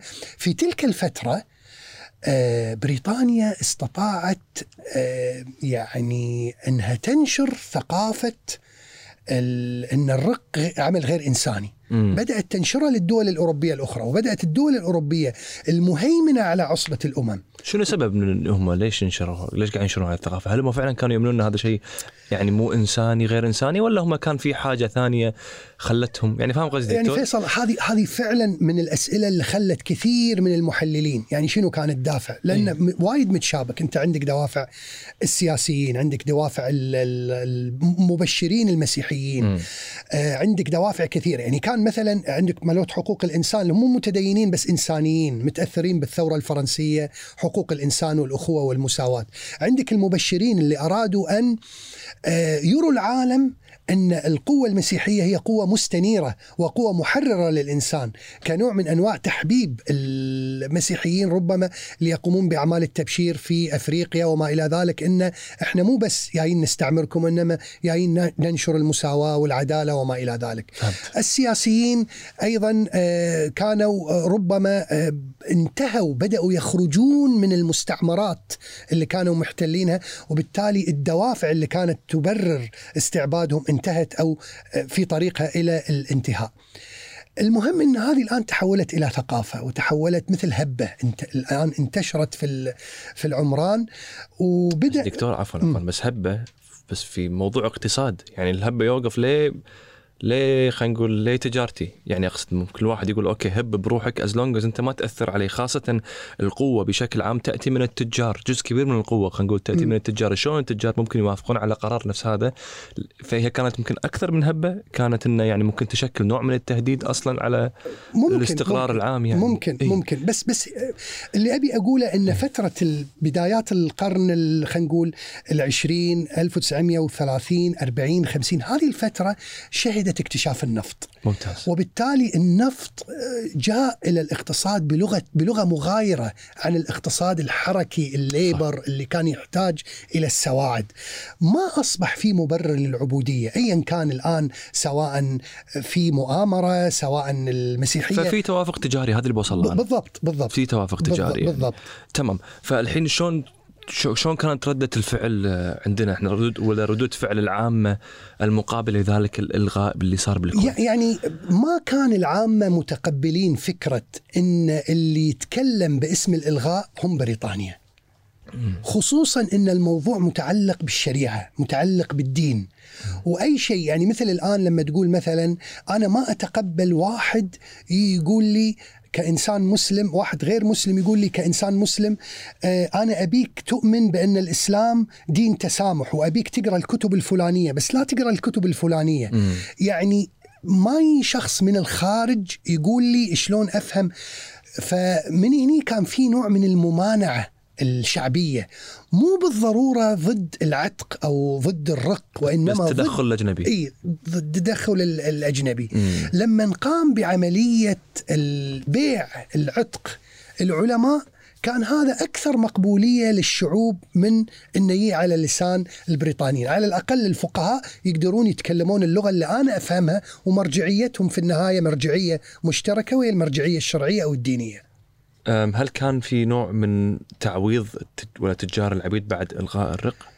بالضبط الآن أنت لو يعني لو تشوف درب الزلق آه مسلسل رائع غير إنه كوميدي الحقيقة مثل بس يا بحر له إسقاطات اجتماعية وتاريخية نظام التثمين إي واللي تكلم يمكن دكتور غانم النجار في. صح. بودكاست سابق هني نظام التثمين هو كان نوع من أنواع توزيع الثروة من قبل الدولة على المجتمع بحيث يكون في وين وين فوز فوز يخرجون أهل ال- ال- الحاضرة مثلا من ال- الكويت وأشتري أنا بيوتهم اللي كانت في الداخل وأشتري الأراضي هذه ويصير ب- في ب- خطة تنموية. بخطة تنموية. لكن أشتري بدخل النفط اللي يمكنني من إن أنا أدفع مبلغ مضاعف لقيمة الأرض الحقيقية. بس عشان أحل هذه المشكلة. بس عشان أحل.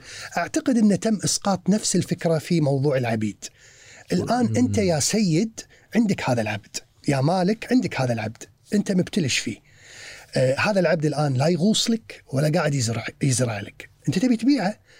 هب إنك ما تبي تبيعه أو تبي تبيعه. بكم تتبيعه هذا بكم تسومه؟ آه ألف دولار. أنا بعطيك عشرة آلاف دولار. فإذا النفط فيصل مكن الدولة الخليجية من أن يقوم بشراء العبيد في مقابل تعويض الأسياد وتحرير العبيد وصناعة فالتعويض العبيد هو التحرير ما ما عوضوهم بشكل مادي. اللي ما عوضوا العبيد العبيد، إيه؟ لا العبيد لا لا يعني أنا ما ما قريت إن تم تعويض العبيد بشكل مادي إلا إذا كان التعويض اللي يمكن نشير إليه إن هؤلاء العبيد أصبحوا مواطنين وبالتالي مستحقين لكل ما يستحق المواطن من توزيع من الثروة. أرض من بيت من توزيع الثروة من وظائف أما إن خذ فلوس نظير إنك أنت أعوضك عن سنوات العبودية لا ما ما, ما, ما تم هذا بس عوض التاجر إيه. بس. عوضوا التاجر نظير التخلي عن العبد اللي هو في النهاية سلعة. اي أنت تو ذكرت العلماء. آم، شنو كان موقف العلماء؟ وأنت حاط في كتابك هذول الأربع آه، علماء ذكرتهم أنت.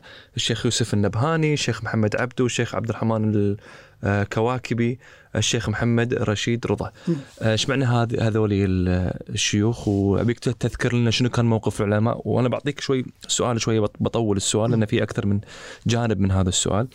الحين كانوا يبون الأطفال وكانت كانوا الكويتيين خلينا نقول الخليجيين حتى ما نقول بس كويتيين كانوا يدرون إن هذه القصص وشلون جابوا الأطفال وشلون اخطفوهم. واصلا أنت قلت في البداية وهذا شيء وايد حلو نبهتنا عليه إن 99% كانوا أصلا مختطفين أحرار. مو عبيد يعني مو مو بطريقة شرعية خلينا نقول. مع ذلك ما كان في أي نوع من الرفض الاجتماعي لأنه كان يخالف الشريعة. فشنو ك... ليش كان موقف الموقف الاجتماعي يعني خلينا نقول ما واجه هذه الفكرة وثانيا ليش هل كان في علماء كانوا يقولون وقتها يا جماعة ترى هذا حرام اللي قاعد تسوونه وما يجوز أبي أفهم الوضع الشرعي العام من بداية من البداية إلى النهاية شوف أنا لازم أعترف لك الشيء اللي أنا شخصيا مو, مو فاهمه إيه. إن إذا أنتم تقولون إن هؤلاء كانوا مختطفين آه، أو هؤلاء ما كانوا عبيد حقيقه ليش ما قلت الكلام هذا في الماضي؟ ليش قلت الآن؟ ربما اللي خلاني أقول يقولوا يعني لو كانوا ردوا إن ربما إن بريطانيا الضغوط اللي صارت إحنا وجدنا إن موائمه الآن إن إحنا نتكلم عن آه، كل الأشياء اللي كنا نتمنى إن نقولها بس ما كنا نقدر نقولها.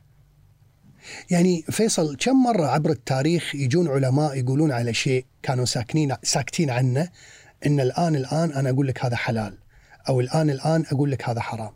يقول لك لموا- لموائمة الظروف السياسية مثلا أو الاقتصادية والأمثلة كثيرة يعني. إنزين؟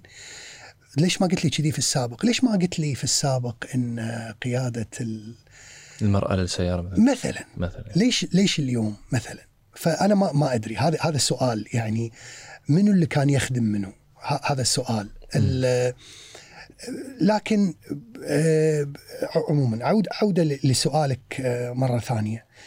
آم، أنا أنا ذكرت العلماء وحطيت صورهم وكان هذا من أصعب الفصول لكن حسيت إنه كان مهم جدا.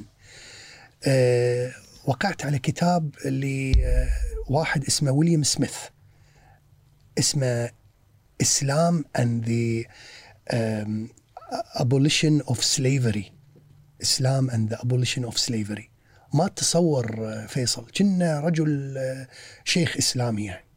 تكلم عن موقف الإسلام التاريخي والاجتماعي والمعاصر وتكلم عن موقف المسلمين بكافة أطيافهم وشرائحهم. تكلم عن موقف الصوفية تكلم عن موقف العقلانيين تكلم عن موقف ال- ال- الح- الحرفيين اللي يقرؤون النصوص حرفيا.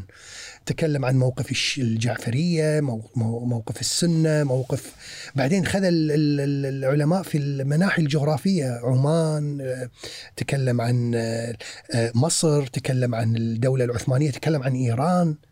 آه، كتاب نشرته جامعة أكسفورد والرجل توفى يعني ويليام سميث. لكن كتاب أنا أعتقد يتيم وحيد في موضوعه يعني. أي واحد يبي يعرف موقف الإسلام من الناحية العلمية يقرأ هذا الكتاب.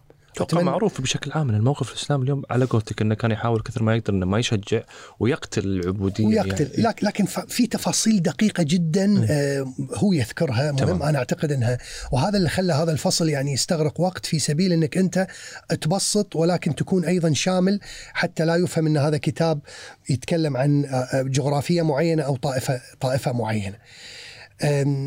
وجدت إن في خلاف كان في بين العلماء على موضوع الرق وإنهاء الرق. الشيخ يوسف النبهاني من ضمن المشايخ اللي رفض إنهاء الرق. رفض. رفض رفض. آه قال إن التوقيت إنهاء الرق مريب. أنا إذا بنهي الرق خليني أنا أجلس وأقعد وأشوف الوضع وكذا لكن ما أنهي لأن بريطانيا تقول لي. وبعدين بدأ يتكلم بدأ يقول طيب آه، منو اللي قال إن إنهاء الرق هو ال- ال- الحل مثلا؟ كثير من الأفارقة دخلوا الإسلام من خلال الرق هو يقول. مم. كثير من الأفارقة جو ملحدين أو ما عندهم أديان وك... كثير من الأفارقة ما يتمنى إنه يرجع إلى أفريقيا يعيش حياته ال- أنا لو ب- ب- بعتقه خلاص أعتقه وأقول له ارجع أفريقيا. كثير منهم. فكان أيضا من ضمن التخريجات إن كثير من طرق كسب الثواب هي من خلال الرق. فأنت لا جي لا تجي تقفل أبواب كسب الثواب. يعني إن أنا أعتق العبد. إذا ما في عبيد منو راح أعتق؟ هو كان يقول كذي. في كثير من الثواب اللي أنا أكسبه لما يكون عندي عبيد. يعني نظر إلى العبيد كمخزون أو كفرصة لكسب الثواب. أو كموازنة. كان يشوفها. إي. زي كان في انتقادات أوروبية بأن الإسلام غير منطقي في أحكامه في مسألة الرق.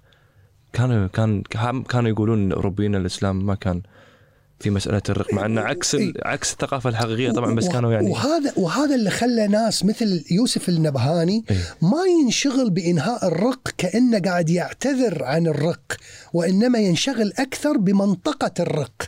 فكثر ما منطقه كثر ما تؤخذ على أنك قاعد تعزز من مشروعية وجوده واستمراره. وهذا كان مغاير لبعض العلماء الآخرين اللي ما كان يضيرهم إن إحنا كمسلمين نسوي مراجعة لمفهوم الرق حتى لو كان سببه هو البريطانيين. مم. كان عنده ثقة بالنفس وبدينه إن الإسلام لا يمانع من إن في بعض أحكامه يتعرض إلى المراجعة إن توائمت الظروف اللي يخليه يتخي... يتخلى عن بعض الأشياء. وأذكر لك مثل أنا دائما أذكره وأنا أدرس تاريخ الدولة العثمانية. أي. مفهوم الجزية. تمام. وكتب كاتب مشهور جدا اسمه فهمي هويدي كتاب بعنوان مواطنون لا ذميون. تكلم في هذا الكتاب على إن الآن ال- الأقباط في مصر ما يعتبرون ذميون وبالتالي ما في مانع أو ما ما في داعي لدفع الجزية. وبعدين ياخذ مفهوم الجزية فيصل هذا وايد وايد مهم. يقول الجزية هي وسيلة وليست غاية. الجزية كانت موجودة في زمن ممنوع على المسيحي أنه يكون في الجيش الإسلامي مقاتل. فكانت وسيلة إنه يأخذ منه يعوض هذا اي فهمت في سبيل أول مرة أسمعها في. سبيل يا فيصل أن إيه. الدولة تحميني أنا كمسيحي إيه. لأن هذه ذمة الدولة وذمتي إيه، بذمة إيه، إيه. الدولة فالدولة تقول لي طيب ادفع نفقات المسدس الم- الرشاش النفقات اللي أنا راح أنفقها المخاطرة بشكل عام بدل المخاطرة بدل إيه، يا ف- سلام عليك اي فانا ما كنت ما كنت أدري عن هذه المعلومة منيرة بس أبي أسولف عن باقي العلماء لو سمحت لو تحط لنا اياهم فجت الدولة العثمانية اي كنوع من أنواع التحديث والتطوير وكذا وألغت الفارق الديني في نظام الملل في انه يستطيع المسيحي إن أراد إنه يدخل في الجيش ال- التركي أو الجيش العثماني. فهمت. فأبطلوا الجزية. أنا ما كنت أعرف عن هذه المعلومة. okay فالحين اسقط لي إياها على الموضوع اللي إحنا قاعد نحاول يعني أسقط لك إياها إيه. الآن. محمد عبده ورشيد رضا والكواكبي وجهه نظره إن أنت هشام الآن تقول مبررات الجزية انتهت أنا الآن أقول لك مبررات العبودية انتهت. شلون؟ الآن إذا افترضنا أن العبودية هذه قاعدة تمتص من مخزون معين يعني مثل الآن فيلم رعب آه، دراكولا قاعد يسحب دم من أجل البقاء على قيد الحياة. أنا أقول لك المكان اللي قاعد تسحب منه الدم الآن جف. أي. انتهى. طيب شنو المكانين؟ المكانين هم اثنين. اللي تسحب منهم الدم أو تسحب مشروعية الاسترقاق. الحروب التوسعية ويقول لك محمد عبده هذه انتهت. عند الجعفرية ماكو حبو ماكو حروب أصلا بعد غيبة الإمام في القرن الثالث. أنت تدري عند الشيعة ما كنت أدري لا. عند الشيعة هم الآن ينتظرون يعني المهدي المنتظر. المهدي المنتظر. زين فكثير من الأحكام شبه تعطل إلى أن يأتي المهدي المنتظر. طبعا طلع ولاية الفقيه الإمام الخميني وقال لا ممكن يكون الفقيه ولي عن الإمام إلى حين ظهوره ويقوم بصلاة الجمعة إعلان الجهاد وما إلى ذلك لكن في قسم كبير يقول لك لا أنا أنتظر عجل الله فرجه إلى أن يعني آه، و- وينشر العدل كما انتش يعني نشر انتشرت بالظ- بالظلم كما المهدي المنتظر عند السنة ولكن هني لا هو الإمام الثاني آه، آه، الثاني فما عشر كان في حروب ولا. أي نوع من التوسع من بعد ذا. غيبة الإمام في أي. القرن الثالث أي. توقفت الآن أي حرب مقدسة بالمعنى العام. فما ما, ما في إمام يعلن الحرب وبالتالي ما في غنائم. هذا بالنسبة للجعفرية أو الشيعة. بالنسبة للسنة قال لك محمد رشيد رضا ما في الآن خليفة مسلم نستطيع أن نقول إنه يمثل العالم شنو الاسلامي جنسيته محمد رشيد رضا؟ محمد رشيد رضا أص- أصله سوري. okay كمل نقطتك. اصله سوري. كمل نقطتك. إيه، لكن عاش في مصر إيه. وطلع مجلة اسمها المنار وكانت تدخل إلى الدواوين حمد الخالد وما إلى ذلك. وكان إيه. له تأثير في زيارته 1912 على الكويت نشر التنوير عبد العزيز رشيد أيضا. وحتى محمد عبده اللي فهمته كان. محمد عبده قبل قبل رشيد رضا ورشيد رضا يعتبر نفسه من محمد من تلامذة محمد أوكي عبده. كمل نقطة آسف. إيه إيه. فمحمد عبده ورشيد رضا توافقوا إن الآن آه، أول شيء يعني يعني الموضوع معقد. أول شيء محمد عبده حتى رجع لأصل الإسلام نفسه. يقول لك إن الإسلام كأنه اضطر لإباحة الرق لأنه كان حالة ما يقدر يحرمها لانها كانت حالة يعني فيها تبادل. أنا ما أقدر أحرم شيء مبني على موقف الآخر اللي هو العدو. يعني ما يجوز إن العدو يسترق مني وأنا أقول له يعني اضربني على الكف الأيمن أدير للأيسر يضربني على الأيمن. ما أقدر أسوي كذي. فهو ياخذ مني أسرة وأنا لازم يكون إيدي مو تايت بحيث إني أنا أقدر آخذ منه أسرة. لكن محمد عبده يقول إذا هو إذا هو ما يعلن علي الحرب وإذا هو يريد السلام وإذا بيني وبيني بيني وبيني عقد. اذا ما في مبررات حرب. وإذا ما في حرب ما في اسرى وإذا ما في اسرى ما في رق. وكأن الإسلام اليوم لا يمانع إذا جت لك منظمة اسمها الأمم المتحدة وحددت الحدود ومنعت الحرب التوسعية خلاص ما في حاجة. الإسلام ما عنده مشكلة في إنه يتع... يتعايش مع هذا الوضع. فما في حرب وما في حروب مقدسة. الجانب الآخر اللي يبين مشروعية ال... ال- العبد إنه يكون ولد في العبودية. يعني في فيصل. ولد ابوه عبد وامه عبده. في هذا صار وايد. هذيل يسمونهم مولدين مولدين. يعني ناشئ رابي يعني هذيل في بعض العبيد في الكويت أو في البحرين هذا مواليد الكويت مواليد البحرين. إنزين؟ هذيل. هذيل ترى كانوا يعاملون معاملة أفضل من العبد المجلوب من أفريقيا. يعتبر من مواليد وكذا. ثقافته أو غير أفريقيا أو غير أو غير أفريقي بالطبع يعني باي ايا كان إيراني هندي وما إلى ذلك. آه، فهؤلاء ال ال فمحمد عبده ورشيد رضا قال طيب okay ماشي أنا موافق بس منو قال لك ان ابوه عبد؟ ما أنا قلت لك. إذا ابوه عبد معناه إنه يكون مأخوذ من أسرى حرب. أنت قاعد تقول لي أبوه مبيوق من أحد فأبوه حر بالأصل يعني. أبوه حر. فهو فما- by. default بالتبعيه حر. يا سلام. ممتاز. عيل نبي نقفل على آخر آه، قصة. دكتور. إبطال الرق حدث في عهد الأمير فيصل بن عبد العزيز. كيف حدث ذلك؟ منيره قاريه القصة. بالسعوديه. إن الأمير فيصل كان في له قصة مع الرق يعني ف... يعني طبعا السعودية ألغت الرق بشكل رسمي في سنة آه، 63 مم. آه، في الفترة هذه كان ولي العهد السعودي هو الأمير فيصل بن آه، عبد العزيز نعم. طبعا السعودية في تلك الفترة كانت حريصة على يعني الانضمام إلى المنظمات الدولية وكانت أيضا آه، دولة ناشئة وحريصة على أنها يكون لها علاقات جيدة مع دول جوار دول عربية وما إلى ذلك. لكن في الفترة هذه كانت فترة حرب باردة. تمام. وكان في مثل معسكرين معسكر الشيوعي بقيادة الاتحاد السوفيتي والمعسكر الغربي بقيادة الولايات المتحدة. وبين المعسكرين كان في أحلاف عربية أحلاف م- يعني متحالفة مع مع الاتحاد السو- السوفيتي مثلا إيران العراق ربما مصر وأحلاف مع المعسكر الغربي. هذه الأحلاف العربية اللي كانت متحالفة مع الاتحاد السوفيتي كانت آه، تنكأ السعودية إعلاميا من موضوع الرق.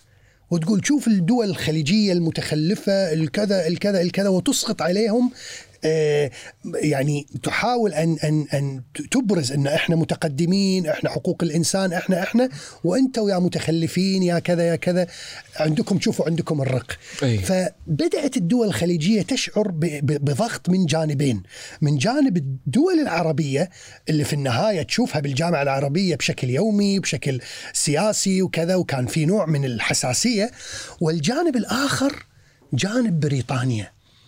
جانب بريطانيا اللي هي كانت ترى في العالم في العالم كله إن أنتم الأقرب إلى الخليج. قاعدين تاخذون نفط الخليج قاعدين تستثمرون في الخليج. شلون أنتم استطعتوا تمنعون تجارة العبيد في العالم كله وجايين عند الخليج طاقين بريك؟ فلأول مرة يشعر الحكام بنوع من الضغط غير المباشر اللي يتم خلف الستار بين بريطانيا وبين حكام الخليج. طبعا بريطانيا عندها علاقات تاريخية مع كل العوائل الحاكمة من, من, من, من مئات السنين صح. وبالتالي تمون يعني.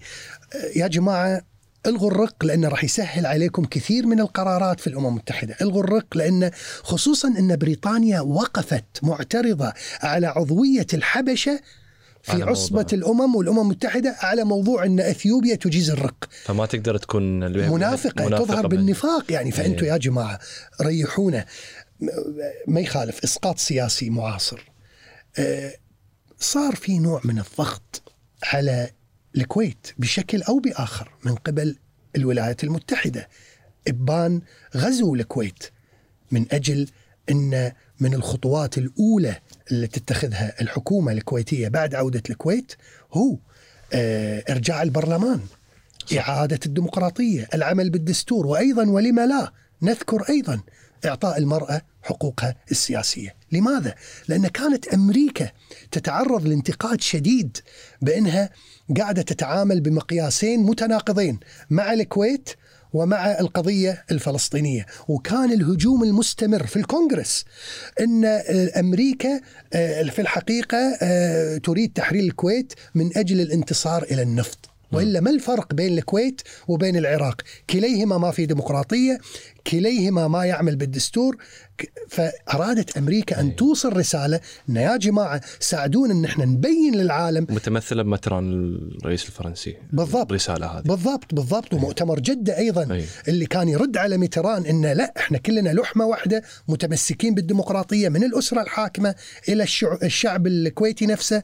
وهذا ساعد آه الكويت ساعدت بهذه الوعود هذا التحالف من أجل إنه يصطف صف واحد من أجل انه يبين للعالم القضية أيضا مرتبطة بالديمقراطية. فنفس الفكرة على؟ نفس الفكرة. إحنا ما عندنا مشكلة مع الرق وما عندنا مشكلة مع إلغائه وعندنا والملك فيصل آه، ذكرها ولي العهد في تلك الفترة. عندنا رخص شرعية. هو قال يعني شوف حتى حتى وهو يلغي الرق ويصدر القرار إلغاء الرق أخرجه من من من داخل الخطاب الشرعي، الخطاب الديني، إن الإسلام لا يبيح الرق ولا يبيح الاستغلال، كما أن حدث تجاوزات في الماضي والتاريخ تم الاخت... تتكلم عن الاختطاف وتتكلم عن الاستغلال، وبالتالي هم ليسوا عبيدا بالمعنى الشرعي، ولذلك إحنا ما نؤتي ببدعة عندما. محمد عبده أيضا سهل سهل على الحكام، قال إن ارتأى الحكام حتى لو كانوا عبيد إن ارتأى الحكام للمصلحة العامة إلغاء العبودية فله ذلك. مصلحة عامة. والمصلحة العامة هي جزء يا فيصل من مصادر التشريع. فما بالك إذا أصلا هم مو عبيد؟ فما بالك. أي. فما بالك. يعني الحاكم يملك انه هو يقول لك للمصلحة العامة أنا بحرم شيء أنا أدري إنه حلال لكن في الوقت الحالي عندي مجاعة. ما أسمح لك إن أنت تشتري 2 كيلو لحم. بحرم عليك ش... اشتري كيلو بس الآن. يملك صح. الحاكم هذا. أملك أنا اليوم إني أنا أقول لك إن بعضوي بعدم عضويتي في الأمم المتحدة مصالح راح تنضر. صح. نفط راح يكون عندي كاسد ما أقدر أبيعه. كل هذا عشان شوية عبيد ما لهم أي قيمة اقتصادية بلغة الاقتصاد اليوم؟ كم تبي؟ أعطيك ال 10000 وتم التحرير. وتم التعويض. التحرير هي اهم بسبب تجاري. مثل ما هو كان السلعة صح. انتهوا مو بسبب خلينا نقول إنساني كبير كانت ال- السببية الاقتصادية هي اللي طاغية في صحيح آه إنهاء الرق يعني نقدر صحيح. نقول وإن كان أيضا يعني حتى أيضا نكون عادلين وإن كان إن لما شافوا إن في قرار بإلغاء الرق كثير من العوائل إن من أسرة الأمراء أو العوائل العادية من قال إذا أنا راح آه، آه، أحرر عبدي فأنا ما أبي فلوس أنا أبي الأجر فحرره ضمن آه، العتق وليس التعويض. التعويض اللي تكلمنا فراح. المحكمة الشرعية وخذ شهادة بالعتق وما مد إيده للدولة عشان يأخذ فلوس. كان في هذا وكان في هذا. دكتور هشام مشكور ما قصرت. الله يسلمك. خوش آه، حوار اليوم. أنا وايد استمتعت آه، يعني مو بس استمتعت حسيت الوقت مر بسرعة يعني. وايد أشياء ما كانت واضحة ما كانت حاضرة. سواء تاريخيا وأنا أقرأ كتابك صراحة قريته مرتين. قريته من زمان أول ما نزل وتوني رديت قريته مرة ثانية. كتاب يعني ممتع. في وايد تفاصيل أمانة ما كنا نعرفها. ما أنا ما كنت والله مو قاعد أجاملك دكتور. ما كنا ما نعرفها. الكلام اللي قاعد تقوله اليوم أنا متأكد. يمكن 90 95% حتى ولا 99% من المستمع من المستمعين ما يعرفون هذه التفاصيل آه، في التاريخ. فمشكور آه، على جيتك مشكور على إفادتك. مشكور على الكتاب مشكور على جهودك. آه، في يعني كتابة آه، التاريخ الهامشي والمهمش يعني وال- والمساهمة في هذا. وناطرين حتى كتابك إن شاء الله إن شاء الله. آه، لنا قاعدة إن شاء الله ثالثة. بإذن الله. إن شاء الله. مشكور دكتور. شكرا يا الله. يحفظك. شكرا. على خير.